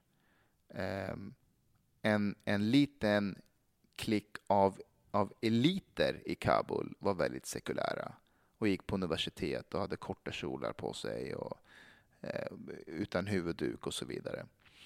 Eh, så såg det inte ut i hela Afghanistan. Ehm, så de här liksom fina bilderna man ser på, på unga tjejer i, i, i Kabul på 70-talet på väg till universitet som skrattar. Alltså det, var, det var en liten elit. Det var inte alls en religiös... Ext alltså, då menar jag inte att religiös extremismen fanns. Nej, inte alls på samma sätt. Men när Ryssland invaderade där på, på 80-talet så, eh, så du vet, Mujahedin började kriga mot dem. De var finansierade av USA och bin Laden åkte ner till Afghanistan för att hjälpa i kampen mot att föra ut ryssarna och så vidare. Då började de här religiösa extremistelementen eh, att bli starkare och starkare. Och sen blev ju Mujahedin i princip talibanerna sen. Och, och så skedde ju 11 september och vad är det, nu har USA varit där i 19 år i princip. Alltså inget land har väl någonsin lyckats belägra Afghanistan? Nej, det är ganska, det är ganska coolt faktiskt. Det är, det är väl typ det enda landet som, som är helt obelägrat? Ja, eh, och många har försökt. Eh, Indien har varit där tidigare och nej, man har faktiskt inte gjort det. Och, och under 80-talet där kriget mot Ryssland, alltså när Ryssland faktiskt invaderade landet. Alltså det var ju en David, David mot Goliat eh, eh fight. Eh, Eh, ryssarna hade ju liksom pansarvagnar, helikoptrar, modernvapen. Det hade ju inte Mujahedin. Eh, men de kunde landet eh, utan till. Kunde och, de, och de ger väl sig aldrig? Alltså Nej. När de slåss väl ända in i döden? Ja. Um, och, och, de gömde sig, du vet, de kunde grottan utan till och, och sen fick de ju såklart Eh, hjälp av, av, av USA eh, med lite under bordet. Det var ju det kalla kriget. Eh, men ja, de, de ger sig inte och de kämpar in i, in i slutet. Ehm, och det där visade sig också när USA gick in efter 11, 11 september och krigade mot talibanerna. Då var det en talibanledare som sa till, till USA att visst, ni är här nu, men kom ihåg, ni har klockorna, vi har tiden. Så att med andra ord, ni har en tid att passa vi har ingen tid att passa. Och, och, du vet, det där är en ganska stark, stark övertag du har. För du kan kontrollera det mesta, men tiden, det går inte. Eh, så där, där har de ett övertag som är, som är svår att slå. Och, och, men om man kollar på, på Afghanistan och hur det ser ut idag, då är det väl också lite segregerat, eh, alltså Kabul och resten av landet? Ja, och det är det som många inte, inte alltid förstår, är att Okej, okay, så det kan komma en ung ensamkommande från Kabul. Men din, han har ju i princip ingenting gemensamt med en ung ensamkommande från landsbygden. Så eh, det är liksom två helt, två helt olika världar. När man har pratat om lyxmigranter, folk som har flytt för att de helt enkelt vill ha det bättre. Mm. Eh, då, då, då använder man ofta, eller använder man ofta, nu låter det som att jag gör det, då har jag ofta hört folk som säger att ja, men det kan komma folk från Kabul, liksom. som att det skulle vara skillnad från att komma från landsbygden. Mm. Nu, jag vet så lite om Afghanistan, så att jag har bara liksom helt grundläggande kunskap, men när det kommer till just lyxmigranter, har du upplevt att har det varit på det sättet? Har det varit, kommit folk som inte haft skyddsbehov? Alltså, så här, majoriteten av de ensamkommande som kommit 2015 kommer från Iran. Mm. Och där är det inte heller något krig egentligen. Visst, du har, ett, du har, du har en regim som du kan prata om, men um, det var inget krig. Däremot så, hade, så var det ju som andra klassens medborgare där. De afghaner, eller hazarer speciellt, som har bott i Iran har ju inte samma rättigheter som andra. De bor till och med svart där. Um, om den iranska polisen tar dem så utvisas, utvisas de tillbaka till Afghanistan och så hittar de en väg tillbaka till Iran och jobbar svart och, och är där tills polisen tar dem igen. Och de kan inte vara i Afghanistan? De kan, men de vill inte heller. Alltså, det här är människor som har bott i Iran under större delen av sitt liv. Eh, och pratar persiska? Och pratar persiska. De pratar inte ens dari, de pratar persiska. Eh, så om man kan säga att de är lyxmigranter, ja, alltså... Ja, det kan man väl kanske säga. Men, men det är inte rättvist? Det är kanske inte alltid rättvist, för det är inte så att de hade, de hade det så bra i Iran till att börja med. Men nej, utifrån asylskäl så går det ju ifrågasätta om, om de ska ha asyl. För de är, de är inte i ett land där det är krig. Det är många delar av världen där det inte är bra. Det betyder inte att du får asyl för det. Nej, men att, leva som andra klassens medborgare i Iran, det, det, liksom, det låter ju inte som, som någonting man vill leva som andra klassens medborgare någonstans. Nej, och just alltså, afghaner i Iran behandlas på ett hemskt, hemskt sätt. Det är eh, rasism på riktigt? Alltså. Ja, men det, det, är det verkligen. Och, och, det är många, jag har många vänner från Iran som verkligen bekräftar det. För när, de, när de åker tillbaka till Iran för att hälsa på släktingar och sådär, så du vet, de har, de har kusiner och släktingar som, som när de är ute på gator så bara spottar de på afghanerna. Liksom. För att man ser att det är afghaner? Precis. Och du vet, tänk dig den här svensk-iraniern som har växt upp i Sverige, kanske född här, åker till Iran och ser sina släktingar behandla andra människor på det, på det viset. Det blir ju en jäkla krock alltså. Mm. Ja, speciellt här i, i, Sverige är ju rasism bland det absolut värsta man kan ägna sig åt. Mm, verkligen. Uh, jag, alltså jag tror att svenskar innerst inne verkligen avskyr rasism. Det är därför man, man, man, uh, man blir så arg när man blir anklagad för att vara rasister. För jag tror inte att, jag tror inte att svenskar uh, eller så här, många svenskar är verkligen inte, in, de, de avskyr rasism. Men samtidigt så finns det ju jättestora hål och luckor där man inte alls jobbar, upplever jag, med, med rasism. Alltså om man tar till exempel antisemitismen i Malmö, mm. som är, folk vill och gärna prata om det. Nej, men då kommer ju den här lite narcissistiska delen av den svenska kulturen, att rasism är ju vad jag har gjort, eller vad vi har gjort, vi svenskar mot invandrare.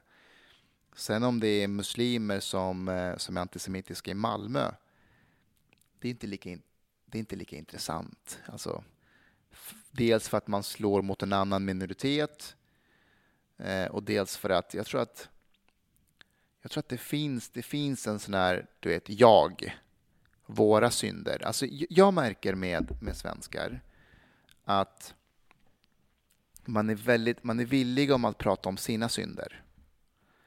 Ehm, um,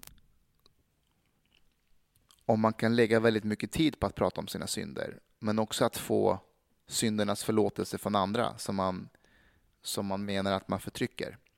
Du vet, vi, vi pratade om shia-muslimer förut. Du vet, shia-muslimer har ju en sorgetid som kallas för ashura.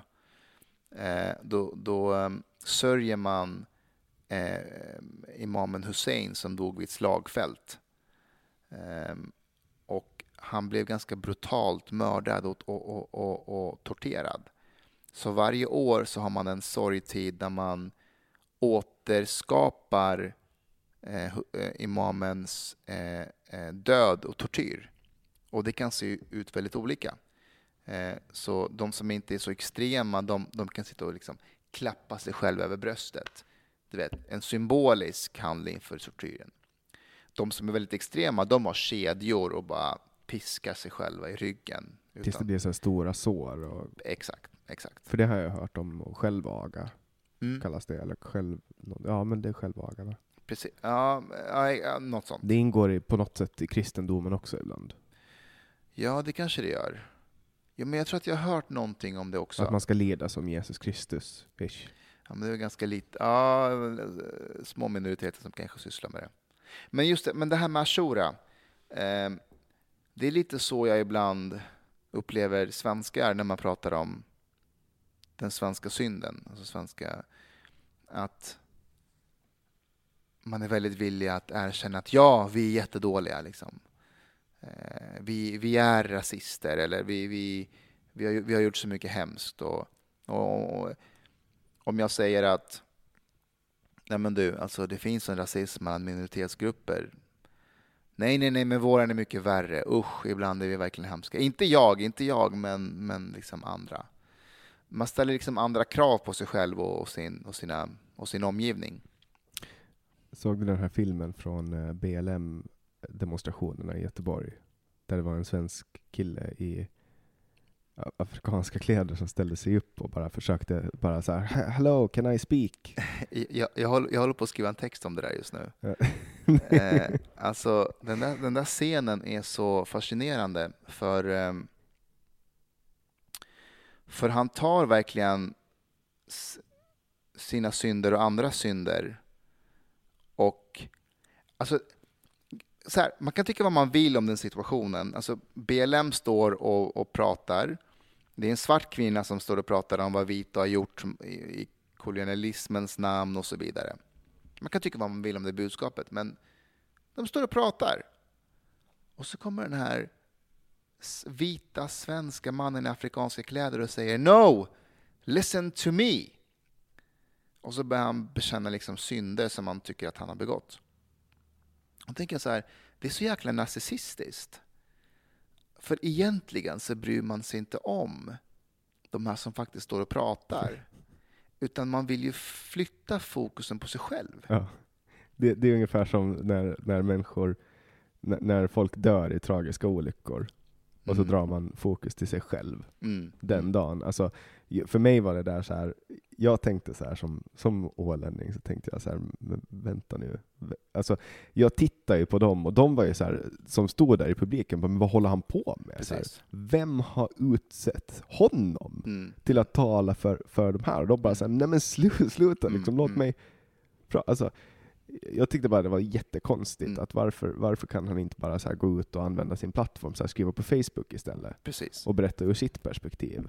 Men det han vill där, det är också att de som lyssnar på honom validerar honom, erkänner honom. Um, nej, ja, tack för att du säger det här, men du verkar vara en av de goda. Alltså, det handlar inte om att lyfta de minoriteter han tycker han sviker eller, eller man har svikit, utan det handlar om att själv få syndernas förlåtelse. Alltså de måste validera dig. Fokuset är på, på dig hela tiden ändå på något sätt. Mm. Jag tror att det var Zizek som pratade om det här. Um, om, uh, jo, han drar ett skämt om, um, om att um, judar är på synagogan en, en lördag. Och så, och så eh, reser sig en mäktig rabbin upp och tittar upp mot Gud och säger Gud, jag är ingenting. Jag förtjänar inte din, din, din uppmärksamhet. Tänk inte på mig. Och så sätter han sig ner. Och så reser sig en väldigt rik köpman upp, också judisk, och säger Gud, jag är ingenting. Jag, jämfört med det är jag liksom en liten, liten människa. Tänk inte på mig. Sätter han sig ner. Och så reser sig en fattig judisk man upp och säger Gud, jag är inte heller någonting. Tänk inte på mig. Och då armbågar den rike köpmannen rabbinen och säger Vem fan tror han att han är? Reser sig upp och talar om sådär för Gud. Han ska, han ska veta sin plats. Så, det här är, du vet, det, det, det, är liksom det är charader. Det här att jag är ingenting, jag, nej, nej, egentligen tror man att man tror att man är allt. Det är som en, en narcissist som säger nej, nej, bry dig inte om mig, så här, tänk inte på mig. Precis så precis. Eh, på samma sätt som den här killen i afrikanska kläder som står där. Han, det, här, det är inte genuint. Ja, men det ser man ju direkt, så här, den där approprieringen, när han bara står i de här kläderna. Mm. och så, alltså, ens försöker. Mm. Så här, låt dem ha sin demonstration. Alltså typ så, så här, det här är väl deras stund. Precis. Så tänk, det var min spontana Mm, tanke. mm. Ehm, men sen, sen också, det hände ju flera saker där. Alltså bland annat den här poliskvinnan då, som satte sig på knä Mm. och, och gjorde den här symbolen, Mm. eh, handgesten. Vad, vad tycker du om, om hela den scenen? Alltså jag, jag, jag försvarade henne i början och tyckte att det var en situation där, alltså hellre att man gör någonting än att man fryser fast. För du vet de här inom militären och försvarsmakten, eh, om, om eh, befälshavare eller, eller general, eh, de får oftast gå eller de får ofta sparken om de inte tar ett beslut, inte om de tar ett beslut. Det absolut värsta är att du inte tar ett beslut alls eh, och att du fryser fast. Och det gjorde inte hon. Hon, hon gjorde liksom någonting. Men om man ser på det hela, alltså gå ner på knä och hålla i plakat där det står White silence is violence. Det går emot hela det svenska rättsväsendet, hela, hela rättsapparaten. Alltså vad, vad, vad betyder det? Vit tystnad är våld. Betyder det att om någon blir utsatt för rasism i något sammanhang och någon vit person inte agerar, har den utövat våld då? Kan man slå den personen på käften och säga att ja, men den utövade våld, Ja, jag det är förs- nödvärn liksom. nödvärn. Mm. Och så kan man peka på den här poliskvinnan som håller i plakatet och säga så här, men polisen, de är, de är bakom oss, du ser ju här. De, de håller med i vårt budskap.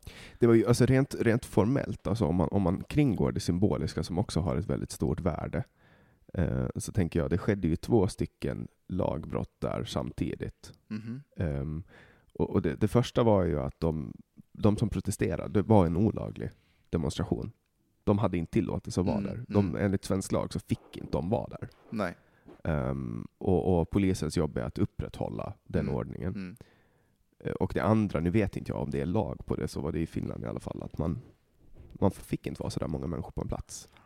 Det var väl, ni hade väl en gräns på 500 eller 50? kan jag säga. 50 hade vi ju. Ja. Man eh, får inte vara så många nej. på en plats. Så det, var två, det skedde två lagbrott Mm. parallellt där. Men det var ju därför också polisen var där. Polisen var ju där för att upplösa demonstrationen. Ehm, det var därför man åkte dit, det var det som var uppgiften.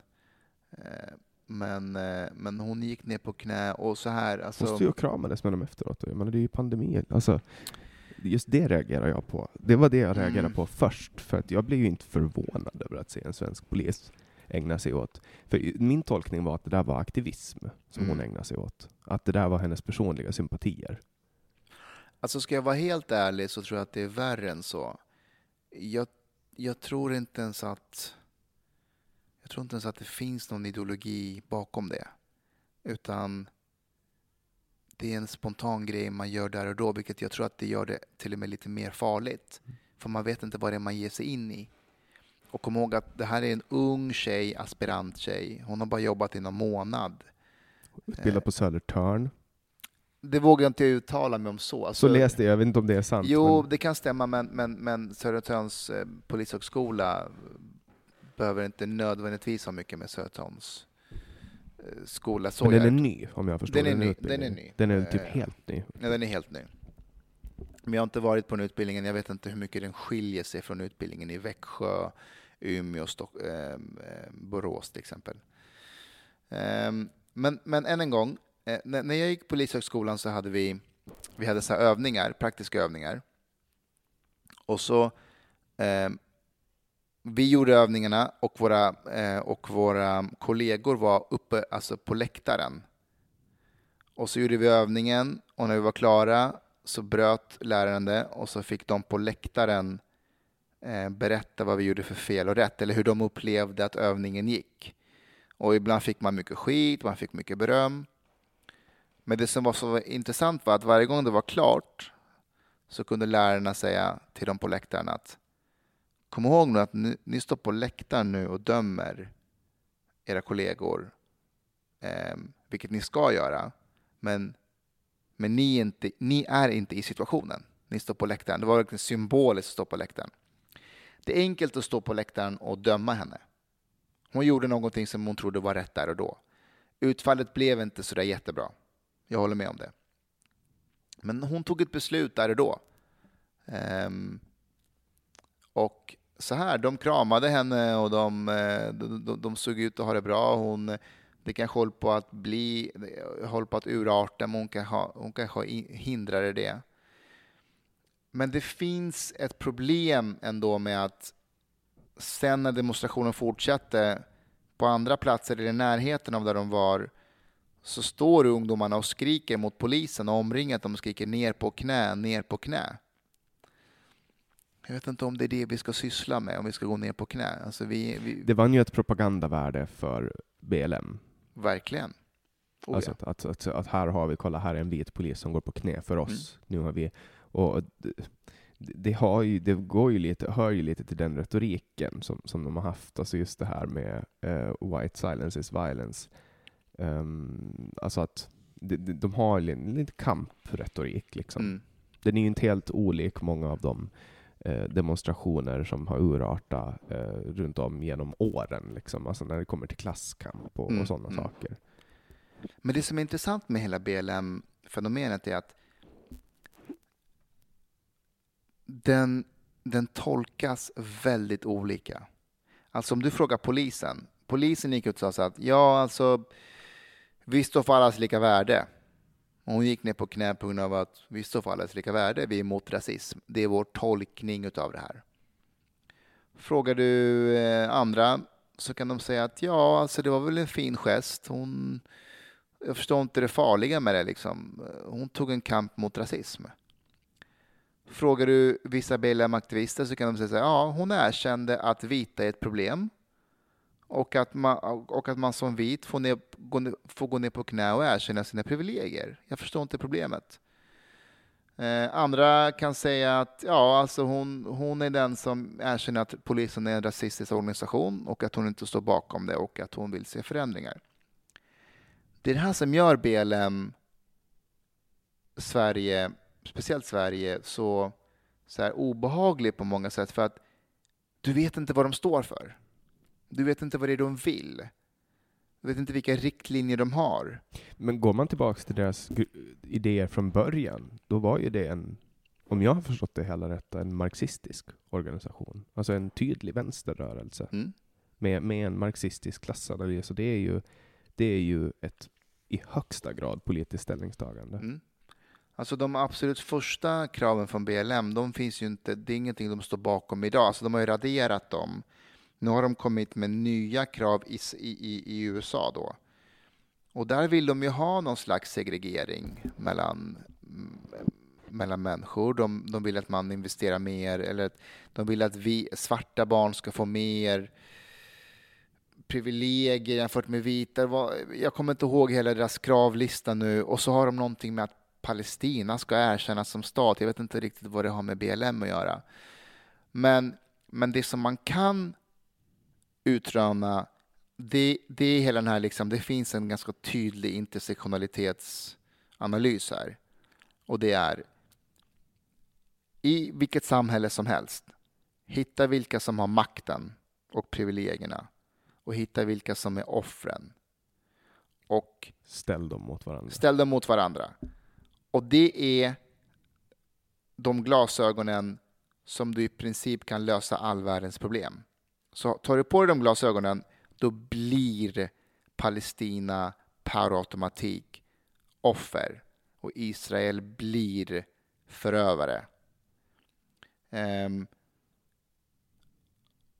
du vet, alla andra analyser försvinner. Mm. Det blir bara förövare och offer hela tiden. Man, man, man, man försöker göra ett extremt komplext problem enkelt. Precis. Och du kan bara vara förövare om du har makt. Du kan inte vara förövare om du inte har makt. Det är som, som vänsterextremister som anser att deras våld är okej okay för att det kommer från rätt håll. Precis. Precis. Medan, medan högerextremt våld är terror. Exakt. exakt.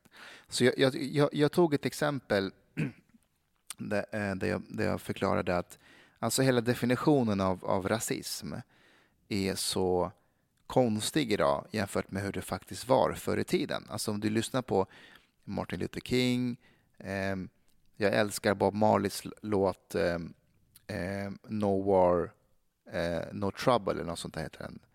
Eh, du vet, där han sjunger så här att han vill leva i en värld där din ögonfärg eller din hudfärg är lika insignifikant som din hudfärg eller som din ögonfärg och hårfärg. Att det är ett sånt samhälle han vill ha. Um, där vi, alla, där vi alla är lika. Det finns inga raser. Och han sjunger det finns bara en ras och det är människorasen. Och Martin Luther King som säger att jag vill, jag vill bli dömd utifrån min karaktär och inte hudfärg. Alltså dagens antirasister, de skulle tycka att det är, det är rasistiskt att säga så. De vill ha raser.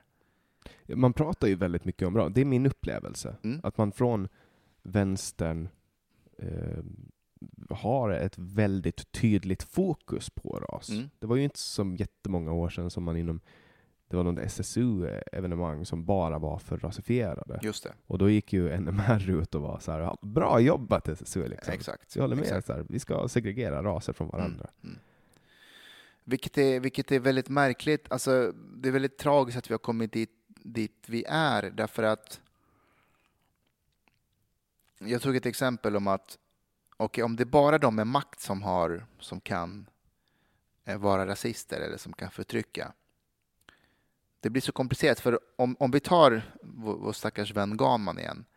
Om jag åker med honom ner till Afghanistan eh, misshandla honom, urinera honom i ansiktet, kalla honom för svennejävel, då är det rasistiskt. För att i Afghanistan är jag normen ju. Jens är minoritet. Han har ingen makt där. Jag har privilegier.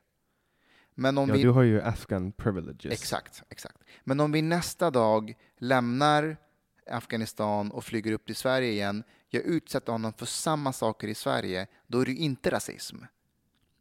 För här är ju Jens normen och jag är minoritet. Så här kan vi inte ha det. det kan inte, rasism kan inte vara så här komplicerad. Rasism är att du dömer eller gör, dömer människor utifrån deras hudfärg, biologiska egenskaper. Um, eller att du tycker att en ras är överlägsen andra eller underlägsen den Jag andra. tycker att det är definitionen av rasism. Mm. Människor kommer alltid att döma folk på yttre attribut. Alltså det är så här, om, om en, en människa, det, det är samma när man pratar om fat-shaming och, och sådana saker. Alltså människor tittar på yttre attribut och så dömer de. Mm. Och det är ingenting som vi kan fostra bort. Det går inte. Tror jag i alla fall. Och man kommer alltid att titta på människor och, och, och liksom döma dem utifrån Mm. det man ser. Om det är kläder, eller om det är hudfärg, eller om det är liksom eh, är de smutsiga? Är de, alltså förstår du? Det liksom, Men det håller jag med dig helt om. Alltså, och, och, och- det är där jag tycker att det, det är skillnad på, ehm, på tankar och handling. Jag Mm. tycker det är helt okej att döma människor hur man vill i huvudet. Men det, det viktiga är vad man, alltså det är handlingen som spelar roll. Så, så vi, vi kan inte säga du får inte jobba för mig för du är, du är muslim eller du är kristen eller du är svart. För det är en handling. Mm. Sen kan man tycka vad man vill om människor. Är, när jag är ute och föreläser och träffar nyanlända och vi kommer in på homosexualitet till exempel så kan vissa säga att det är äckligt, det är inte bra. Och jag verkligen ifrågasätter det. Jag utmanar den värderingen, den idén. Varför tycker du att det är äckligt? Vad, vad, vad är problemet? Hur kommer det påverka dig om, din, om du har två grannar som är homosexuella? Hur kommer, hur, kommer det påverka ditt liv? Eh, efter en stund så förstår många att oj, okej, det här är en grej jag fått med mig hemifrån, eh, kultur, religion och så vidare. Och, och tänker om efter fem minuter. Men jag avslutar alltid med att i Sverige, det är ändå ett fritt land, du får tycka fortfarande att homosex homosexualitet är äckligt. Alltså du har, du har den friheten, men du får inte handla på det. ja, man ska inte säga det, man ska inte liksom utsätta någon för någonting. För. Precis, precis. Men, men jag menar, det, det finns olika former av, av rasism. Jag menar, ehm, du, du är ju invandrare i Sverige. Har det hänt dig någon gång att någon har kommit fram och frågat så här, pratar du svenska? Eh, det har hänt att folk har pratat engelska med mig. Mm. Och det, den hör jag ganska ofta, att man Ja. kommer fram och frågar så här, pratar du svenska? Pratar engelska? Mm. Och det är ju för att de har, de har tittat på ditt utseende och så har de bara, Mm. ja, men han, han där kanske inte kan svenska. Precis. Men om de ser en tysk och går fram och pratar svenska och så, ja, vad säger du? Liksom, kommer det tillbaka på tyska? Mm, Vad nu de mm. säger. Mm. Jag vet inte vad de säger. Mm. Men, eller fin, finnar, man, man pratar, pratar svenska med någon som kommer anteksi, du vet, ja, man förstår inte vad man säger. Precis. Eh, att det, är det är ju en form av rasism. Man har knutit ett visst språk till ett utseende. Mm. Mm. Eh, och jag vet inte om... Det är ju ingen hemsk form av rasism. Nej men så här, om man säger så här om du är svart, du är i Japan och du kommer fram, en japan kommer fram till dig och pratar engelska med dig, är det rasism då? Alltså då har man ju alltså gjort ett, antar jag, då, ett statistiskt antagande om att sannolikheten att den personen eh, pratar japanska är mycket liten. Mm. Alltså, men, men sen vet man ju. Men det är fortfarande utifrån den, det är en individ du har framför dig. Mm. Så även om du statistiskt, statistiskt har rätt, är det inte fortfarande rasism då? För han är ju svart och du baserar det utifrån, utifrån hans utseende. Mm. Så vad, vad gör, hur gör man rätt då? Går fram och säger någonting på japanska eller går fram och säger alltså, Men det som är grejen, jag, ehm, jag blir inte störd om någon kommer fram till mig och, säger, och pratar engelska med mig. Men om jag sen pratar svenska och den personen typ oj, ursäkta, börjar prata svenska med mig. Jag har inga problem med det. Mm. Jag är cool. Eh, Men sen har jag varit med om, om, om tillfällen där jag faktiskt någon kommer fram och pratar engelska med mig och jag pratar svenska och jag vet att den personen pratar svenska så fortsätter den prata engelska. Det är lite intressant. Jag vet inte om det blir någon så här... de vill någon- inte erkänna att de har gjort fel. Exakt, exakt. Och än en gång, alltså. Ja, jag, du vet, man kommer till en fas i livet där man är så här. Ska jag låta min dag påverkas av det här? Um, nej. Jag, du vet, jag är med om det. Jag träffade en person som gjorde så. Jag går vidare. Alltså jag, jag, jag har saker att göra, platser att vara på. På tal om offer och, och förövare. Jag har, eh, har en bekant från gymnasietiden eh, som eh, har varit mycket inne på mina trådar på Facebook och verkligen varit väldigt kritisk mot saker jag lagt upp. Och, och menar verkligen att Sverige är ett rasistiskt land och att eh, han, han ser liksom rasism överallt. Eh, han, han, är, han är också från, från ett annat land. Sen har jag andra vänner som är vänner med honom. Eh, också från andra länder. Eh, framgångsrika personer. Um, och jag märker att skillnaden mellan de här olika människorna är att de som är framgångsrika, de har bejakat en hjälteroll de har så mycket som händer i deras liv så att att fundera på rasism eller fördomar, de har inte tid med det. De har så mycket möjligheter framför sig så att det tar tid från dem att ens fundera på offerrollen. Det, bara, det händer saker hela tiden. Medan när man bejakar en offerroll så är det ganska skönt på ett hemskt sätt att bara se allt som, alltså all misslyckande man är om i livet och man skyller det på, eh, på andra. Det var ju så det började på 30-talet. Det var så det började på Man 30-talet. skyllde på judarna. Exakt. Men du vet, det här är ju inte bara en grej, alltså offerrollen är ju, är ju inte bara någonting som så invandrare har, utan Den är i hög grad svenskar. ja, Jag faller ju in i den hela tiden, offerrollen, och Ja. den gör mig miserabel. Mm. Jag kan tänka så här, men fan samhället svikit mig och jävla corona och dumma jävla skolsystem och eh, staten har förstört allt. Men, men när jag faller in i, i offerrollen så blir mitt liv miserabelt. Ja. men det, det du säger nu, det är också så här, du är medveten om den. Inte alltid. Inte alltid, men, men nu när vi sitter och pratar, alltså du har ju ändå en självinsikt. Mm. Men, men grejen med offerrollen är att man tappar ju självinsikten. Alltså Ja, när, man är, när man mm. är i det, eh, då kan folk skrika till mig så här, sluta spela offer. Och då kan jag liksom, då vet jag att jag spelar offer, men, men jag, förne- Mm. alltså jag vill ändå liksom inte visa till den människan framför mig att oh, men shit, nu har jag gjort liksom, nu har jag fallit in i det här igen. Mm, Jag mm. föll för den igen. Mm, Så att jag förnekar det hellre. just det. Typ så.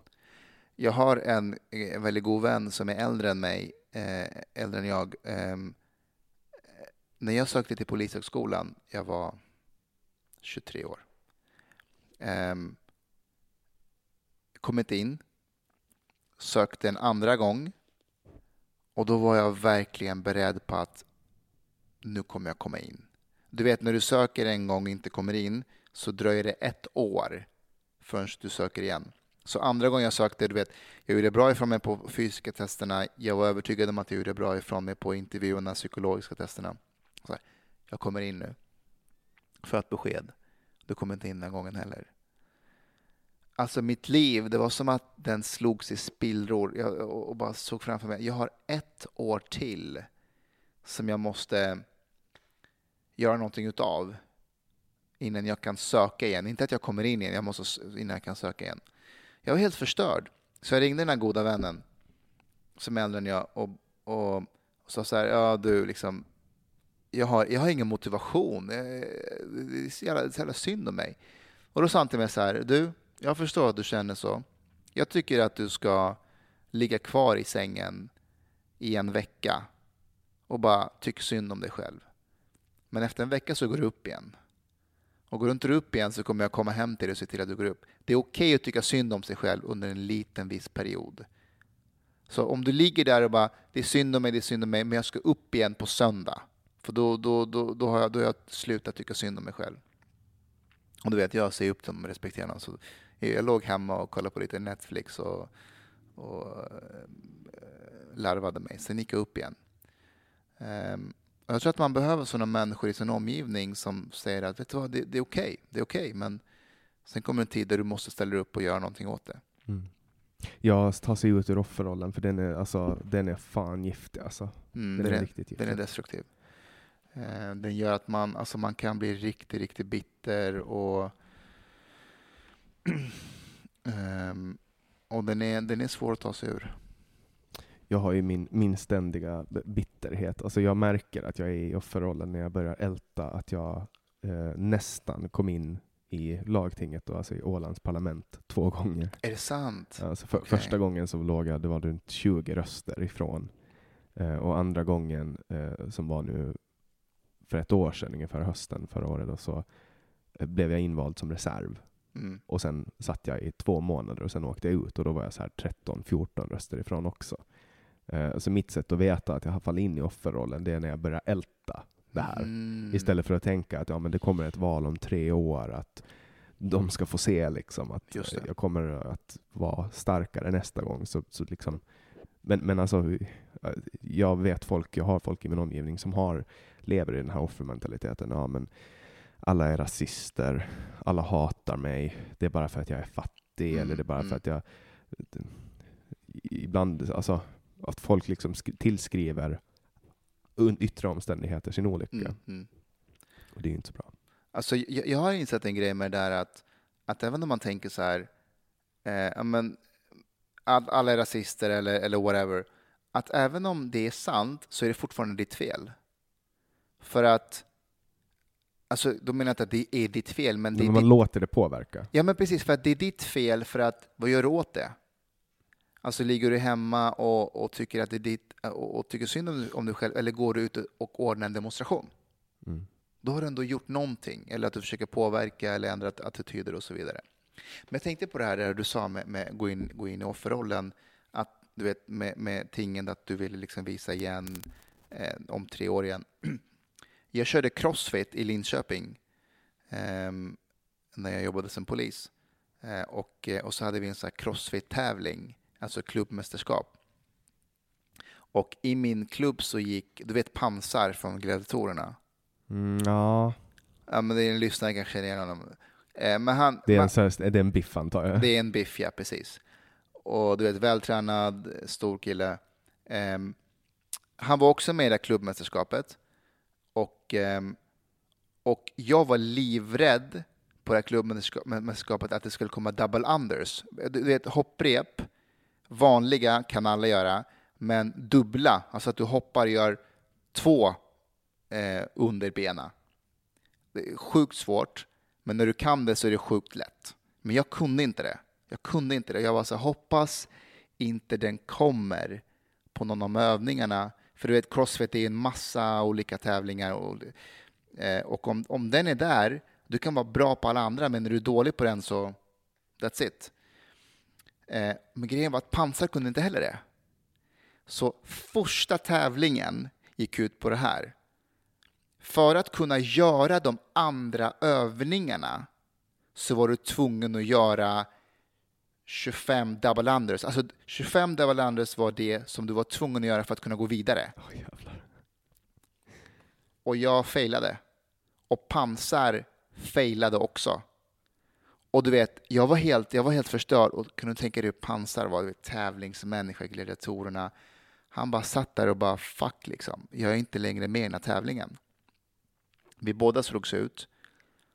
Eh, dagen efter så hade pansar, när jag låg hemma och tyckte synd om mig själv och bara jag ska aldrig vara med i den jävla tävlingen, så hade pansar börjat göra, eh, lägga tio minuter, en kvart varje dag på att göra double unders. Eh, och jag märkte typ tre veckor efter det där klubbmästerskapet att Panzer kunde göra double unders. Mm. Jag kunde inte göra en enda. Du gick hem och la dig och han gick ut och tränade? Han, han gick och tränade. Så jag började, efter vet, man ser, det är en sak, något som jag lärt mig genom livet är att det är en sak om någon säger så här, träna, gör det och det och det, det är bra. Men om någon visar, för jag kunde ju se att han hade gått ifrån, då började jag själv göra liksom. Mm. Idag, idag, är jag, idag är jag ganska duktig på double unders. Så nästa gång? Så. Ja, nej, precis. Den dagen. Nej, men alltså, en del läxor så behöver man verkligen, alltså, det behöver verkligen smälla i ansiktet på en. Ja. För att det är ju så här, du kan dra en anekdot om hur du ska laga popcorn och så börjar kastrullen brinna. Mm. Men det kommer inte att göra att jag lär mig att, att, äh, inte hålla på med matolja. Det var som nu på midsommar så lånade jag en bil. Jag var, vi, vi tog båten ut till en ö och så lånade jag en bil där. Och då eh, var hundarna i bilen. Jag har två stycken små hundar och de var i bilen och eh, under en my mycket kort stund så satt en av de hundarna tassen på låsknappen och nyckeln var i bilen och det fanns ingen mm. reservnyckel. Och, och, jag har alltid haft det beteendet. Jag kommer från Åland, vi har typ inte brottslighet. Man kan lämna nycklarna i bilen, man behöver inte låsa efter sig och så vidare. Jag trodde inte att det där kunde hända. Och jag fick betala 6 000 eh, kronor ur egen ficka och nu, nu, nu, har, nu har liksom det blivit en sån hård beteendekorrigering så att nu, nu mm. har jag bilnyckeln. Varje gång jag stiger ut ur bilen så har jag bilnyckeln med mig. Mm. Att ibland mm. måste man, det måste ja. verkligen smälla hårt i, ja. för att man ska eh, mm. korrigera sitt beteende. Um, jag, jag kommer att tänka på det när du sa mm. det där. Men det är lite som vi sa det här med svensk kultur, det där, alltså, lite liknande, att du måste vara med i det. Ja, alltså det, det, det, är ju jobbiga erfarenheter som slipar en. Alltså, Hela tiden. Det gör ju ont när man, blir, när man utsätts för social bestraffning, men mm. på något sätt känns det som att skolsystemet idag vill skydda barn från att vara med om de här jobbiga sakerna. För att det är klart att det är jobbigt att bli korrigerad. Det är klart. Alltså, så här, man, man kanske, när man var liten och, och eh, var med i skolgymnastiken och så kanske man fick en chans på att skjuta ett mål och så misslyckades man och så uh, var det någon som skrek som ”för helvete” och blev arga. Uh, alltså, det är ju en form av bestraffning, men det kanske, man får ju välja, vill man liksom bli bättre på att skjuta eller vill man bli ledsen över det? Mm, mm. Jag undvek ju gymnastiken helt och hållet. Mm. alltså jag gick ju inte på skolgymnastiken, Nej. för att jag gillar inte den formen av bestraffning. Men um, samtidigt så har ju det gjort mig starkare, att kunna, mm. bli, alltså att kunna ta den här skiten. För det är ju inte så lätt att vara en, en offentlig person. Nej. Alltså man får mycket kritik. Absolut. Jag kan tänka mig att du också får massa. Ja, men det händer. Det händer och um, man blir ganska hårdhudad och lite... Jag kan säga att jag var mer optimistisk när jag började. Jag är lite mer pessimistisk nu. Um, men just de här integrationsfrågorna är så jäkla svåra att navigera sig också för, för man får ju skit från massa olika håll. Alltså du har... Låt mig ett exempel. Igår så kom det en debattartikel i en svensk tidning av två unga muslimska tjejer i huvudduk som skrev att Sverige måste ha ett volymmål när det kommer till... Jag måste bara göra en bias check ja. först. Är du muslim? Eh, kulturellt så... Eh, jag, jag, fastar ibland. Eh, Jag firar högtiderna med min familj och så. Men jag är inte religiös av mig. Okej, men nu får du uttala dig om det, för du är muslim, så du får uttala dig. ja, precis. Ja, exakt. skämt, skämt åsido. Ja, jag har, jag har, jag har eh, tolkningsföreträde nu. Eh, två unga tjejer i huvudduk, eh, unga muslimer, som skriver att eh, Sverige måste ha volymmål när det kommer till invandring. Eh, det räcker inte med att ha goda intentioner, man måste ha en plan. Eh, man måste ställa krav på människor som kommer hit, att de läser språket, att de har försörjningskrav och man ska, för att kunna få ta del av välfärden måste man förtjäna det. Okej? Sjukt bra artikel. Jag lägger upp det. Ehm, de här tjejerna, de får dels skit från invandrare som säger att ska ni försöka liksom eh, behaga svenskar eller vad håller ni på med? Alltså, ni kommer, ni kommer aldrig bli svenskar, vad håller ni på med? Det är husplattekortet. Ja, men lite så.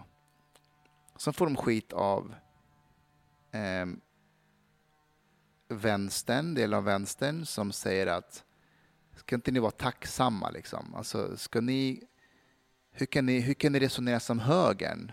Alltså, ni kom hit och, ni, och vi gav er husrum och mat. Kan, kan, inte- ni bara vara tacksamma invandrare istället för att uttala er de här frågorna? Ni ska ju tycka som alla andra invandrare, tycker ni här. Och sen har du delar av högern, de här rasisterna, som ser två tjejer i huvudduk, i slöja. Och det är det enda de ser. De ser ingenting annat. Och bara ger dem skit att hur kan ni ha på er slöja, ni lurar ingen, eh, bla bla bla. Och det här är människor, för du vet den här delen av högern, de påstår, de påstår att de hatar identitetspolitik. Det är det värsta de vet. Det är idéer som spelar roll. Identitet är helt ointressant. Det är bara det att de ljuger. Identitet är jätteintressant för dem. Den andra, de på andra sidan som de påstår sig hata, de är en spegelbild av dem. Så när de ser två unga tjejer i huvudduk som vill ha en striktare migrationspolitik, det går inte in i deras föreställningsvärld, för de har ju bestämt sig att muslimer är på det här sättet. De kan inte vara på ett annat sätt. De här två tjejerna utmanar det. Så istället för att säga oj, jag kanske, jag kanske får tänka om. Nej, nej, nej. De har på sig slöja, huvudduk, de försöker lura oss. De har en agenda egentligen. Jag går inte på det här. De är besatta av identitet på samma sätt som del av vänstern är besatt av, av identitet. Det som är svårt att vara i den här debatten, det är just att, eller skit i mig, de här två, tänk dig de här två unga tjejerna. Fritänkare, de tänker själv, de skiter i varandra. De, det här är vad de har kommit fram till. Men de måste navigera sig igenom de här olika människorna som ger sig på dem. Tänk, tänk om man in- inte skulle haft eh, bild och namn publicerat på dem, Mm. utan det bara var pseudonymer. Typ. Exakt, Anna och eh, Petra. precis. Precis. Jag vet. Ehm, det är därför det här med identitet är så jävla ointressant ibland. Alltså, för, föreställ dig att du, att du har en presidentkandidat till exempel, eller en statsministerkandidat. Och de har de bästa idéerna du kan tänka dig. Du, du står bakom allting den personen säger. Wow, den här personen kommer göra Sverige till en bättre plats. Och så bara en liten, liten detalj. Sen att den här personen är också homosexuell. Och du bara, nej, alltså nej, jag vet inte vad, vad jag tycker inför det här. Jag, jag håller med om allting, men han är homosexuell. Mm. Och? Alltså vad har det med, med det andra Fin- att Finland, göra? Finland hade en sån eh, presidentkandidat förut. Och då blev det ett jävla nummer av att han var homosexuell. Mm. Det var så här, det stod så här, ja den öppet homosexuella kandidaten. Alltså, det, hur, på vilket sätt är det? Ja, ja, det, på, det kan ju det ger relevans i vissa frågor när det kommer Mm. till jämställdhet. Man förstår att den personen har referensramar som, som innebär att, att han kommer att ha större förståelse för, Mm. för folk som är homosexuella. Men i det stora hela så är det väl, varför göra en stor grej av det? Mm. Samma med att man gör en stor grej av att folk är invandrare. Ja men exakt. Som att exakt. när Obama kandiderade sa, ja men det här är första, första gången det kan bli en svensk, nej men en eh, svart president. Mm. Eller som när Hillary Clinton sa, ja men första gången det kan bli en kvinnlig president. Det så här, Precis. fokus, fokus, fokus på ytter, men ändå ska vi bry oss om allas karaktär. Fast grejen är att ändå är det ju inte fokus på det yttre. Därför att när Le Pen kandiderade i Frankrike Mm, För- Hon har ju fel åsikter. Ja, men i slutändan så är det åsikten ändå. Ja, men hon, är ju, hon är ju hjärntvättad av etablissemanget OSV. OSV. Precis, precis. Men du vet, det är kul att du tar upp det här med Obama, för första gången jag blev medveten om identitetspolitik utan att faktiskt veta om det, det var under 2007. Eh, vad var jag? 20 år. Eh, och Obama håller på att kandidera. Och jag var ju så här, yes, en svart president. Det här kommer bli så jäkla bra. Alltså jag var så jävla glad. Jag ville nästan åka, åka till USA för att uppleva det här. Men jag var tillsammans med en tjej. Svenska, feminist, vänster. Och jag var ju så här, du, Obama liksom. Och då sa hon till mig så här, men du, vad är det du gillar med honom? Vad är det för idéer med honom som du tycker om? Jag hade inga svar. Jag hade inte läst på. Jag såg en svart president och tänkte att det här är bra. Och då sa hon till mig så här, men du tycker inte du att det är lite farligt att bara gå på det yttre? Alltså, på vilket sätt tror du att han kommer göra USA bättre? Vad vet du om honom? Om hans bakgrund, om hans agenda? Och jag minns att jag blev arg på henne. Jag blev arg på henne. Hur vågar du ifrågasätta det här, liksom, tänkte jag. Han är ju svart! Därmed är han bra. Det- också det där att, att liksom är, folk, folk dömer ju på samma sätt Donald Trump nu. Mm. För han, är, han är konstig, han är en jävla buffel. Mm. Eh, han kan inte bete sig, Mm. han ser konstig ut. Och, och det, men, men det är väldigt sällan, upplever jag, att folk så verkligen tittar på det han gör. Mm. Folk lyssnar på vad han säger. Mm. Eh, och, och liksom hänger sig vid det. På samma sätt med när man dömde Obama, så är det så här, kolla på det han säger. Han Mm. pratar om alla, han är ju så charmig Obama, han kan ju charma vem som helst. Retorisk geni. Charmig, diplomatisk, intelligent. Men kolla på vad han faktiskt gjorde. Ja, det är mm, flest drönarattacker i historien. Ja, han är ju en krigarherre. Ja, verkligen. Och jag menar, han har beordrat jättemånga attacker. Och Mm.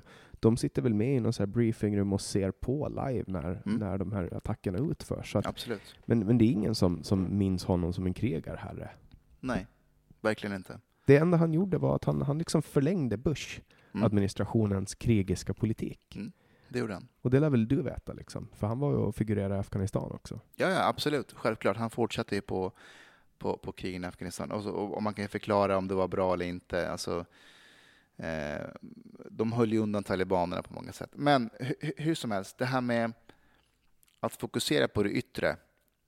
Eh, det leder oss ingenstans. För jag tror att jag är rädd för att om man håller på på det sättet att okej, svart, svarta får organisera sig med svarta, homosexuella med homosexuella, eh, kvinnor med kvinnor, muslimer med muslimer. Alla de här olika grupp, grupperingarna får organisera sig utifrån sin identitet.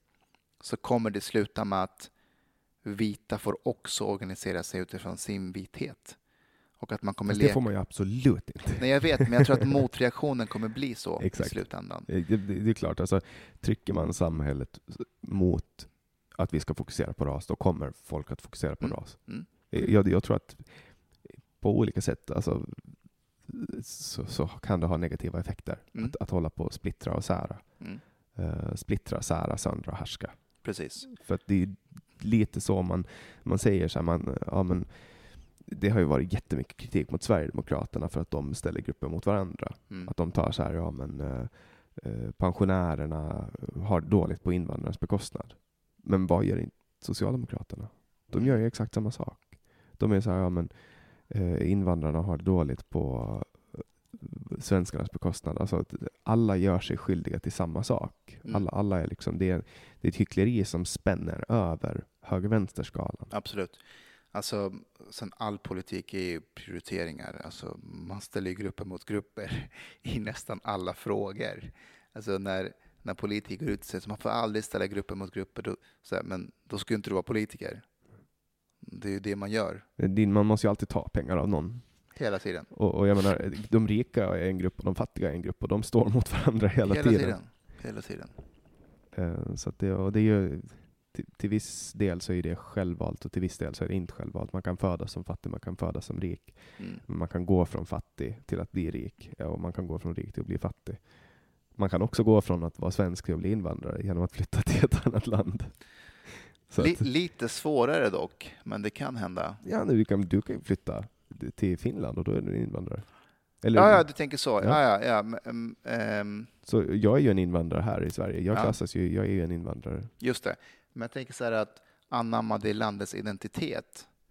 Alltså att bli, ja, men till exempel, jag tror, att det, jag tror att det blir svårt för mig att bli kurd. Mm. Ja, det, det, man vet ju. Det finns ju folk som anser att de är katter. Så att, Ja, exakt. Det är sant. eh, men jag, jag vet inte, det beror ju helt på vem man frågar. Men jag, jag kan ju tycka, alltså jag kan ju anamma den svenska identiteten i och med att alltså jag heter Svensson i efternamn. Mm. Eh, Men min farfar är född och uppvuxen här i, ehm, i Sverige, här i Gamla stan har han växt upp. Och, Mhm. och, eller i Nacka egentligen, men han har haft ett hus här i Gamla stan. Och Mm. Mina farföräldrar hade ett konditori på Stora Nygatan. Och just när jag rör mig här i Gamla stan, när jag var liten, vi var alltid där och bodde hos det. farfar. Och, eh, jag har ju liksom en, en förbindelse till Stockholm, men jag har inte växt upp en dag Nej, här. nej. Jag har varit besökare här. Liksom. Mm. Ehm, och och jag, jag heter Svensson, men jag är fortfarande ålänning Mm. för mig. Mm. Och jag vet inte hur, om jag någonsin kommer att bli svensk. Jag pratar flytande svenska. Men, men vart jag än går så, påpe så påpekar folk min dialekt. Mm. Mm. Ehm, men ändå så kan folk vara så här, jag brukar påpeka det, jag träffar ju mycket människor. Och folk från Sverigedemokraterna och folk som är ännu längre bortom Sverigedemokraterna som, som, som ändå anser att jag är svensk. Jag menar, hur kan man anse att jag är svensk? Mm. Jag är inte svensk. Nej, nej. Min, min farfar är svensk. Mm. Min pappa har svenskt medborgarskap. Just det. Men jag är ålänning. Men det är ganska intressant med, med, med identitet är att jag vågar påstå att under, min, under mitt liv så har jag hört, så har jag fått höra mer av invandrare att jag inte är svensk än av svenskar som har sagt att jag inte är svensk. Väldigt få svenskar har sagt så, alltså inte till mitt ansikte utan snarare skrivit något så här mail till mig. Men alltså invandrare, alltså då menar jag liksom bekanta till mig. Du kan aldrig bli svensk, kom ihåg det. Aldrig. Du är invandrare liksom.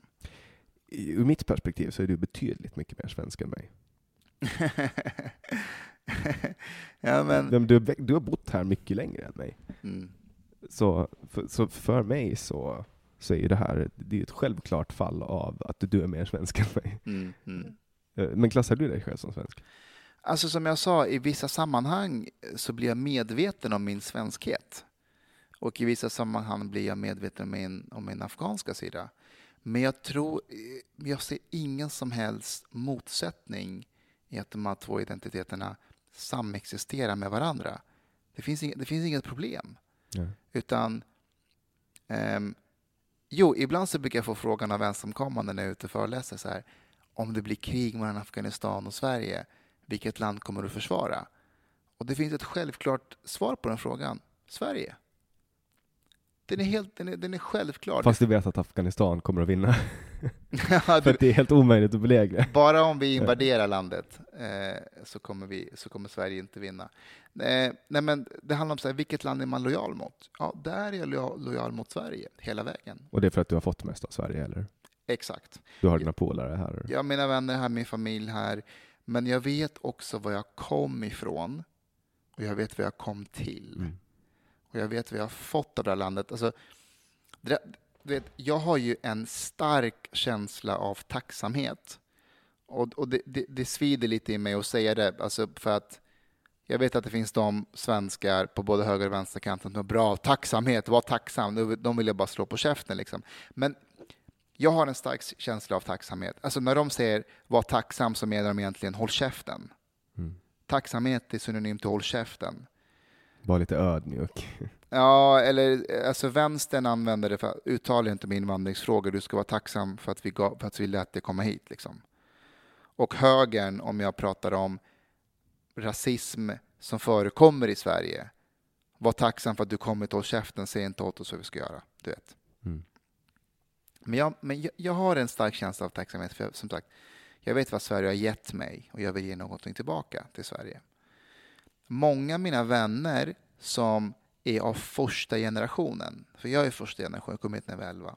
Men också andra som är i första generationen som, som vet var de kom ifrån och vet var de kom till. De är också tacksamma. Andra generationen känner inte den tacksamheten. Mm. Nej, det är, vad- det är, de är vana med. De är födda här. Ja. Och det är livsfarligt. Det är livsfarligt att, att säga till andra generationen, visa lite tacksamhet. Du är somalier, du är irakier. Så, jag är född här. Jag har inte ens varit i Somalia. Vad ska jag vara tacksam för? Jag är född på en fucking BB i Sverige. Då går man utifrån hudfärg ju. Ja. Du vet. Och då blir det rasism. Det där kan få en sån tråkig konsekvens om man kräver tacksamhet av människor som inte kan referera till det. Mm. Jag kommer ta en bild på dig om det är okej. Ja, För övrigt, kör. Bara när du sitter där. För vi är, vi är precis inne på slutrakan nu, eller vi Ja. är på slutrakan. Mm. Och då ska jag passa på att föreviga det här momentet. Ja. Eh, och ehm, ja, vi har, vi har närmat oss slut. Jag ser att vi har nått två timmar. Och jag har ett, ett, Oj, redan? ja, och jag har ett, ett minutschema Okej. eh, som, som jag lyckas följa Mm. precis på... Nu fick jag en helt okej. Det- Du blinkar varje gång. Oj, okej. Där kom den. Eh, jo, så jag har ett, ett minutschema som jag har följt och det har gått ganska bra. Och jag hoppas att det ska fortsätta för då kommer jag hem tillbaks till, till Finland och får sätta mig i karantän. Just det. Ehm, men tusen tack för att du kom hit. Tusen tack för att jag fick komma. Eh, Och fortsätt med samtalet, det är eh, viktigt. Tusen tack. Och Mm. till alla er som har lyssnat och, och har hängt med till slutet så vill jag tacka er för att ni har varit med och till alla er som stöttar mig på Patreon eller Swish eller Paypal så är jag jätte, jättetacksamma för er fortsatta stöd. För er som eh, inte redan har gjort det eller funderar på att göra det så hittar ni länkar på min hemsida www.samtal.ax.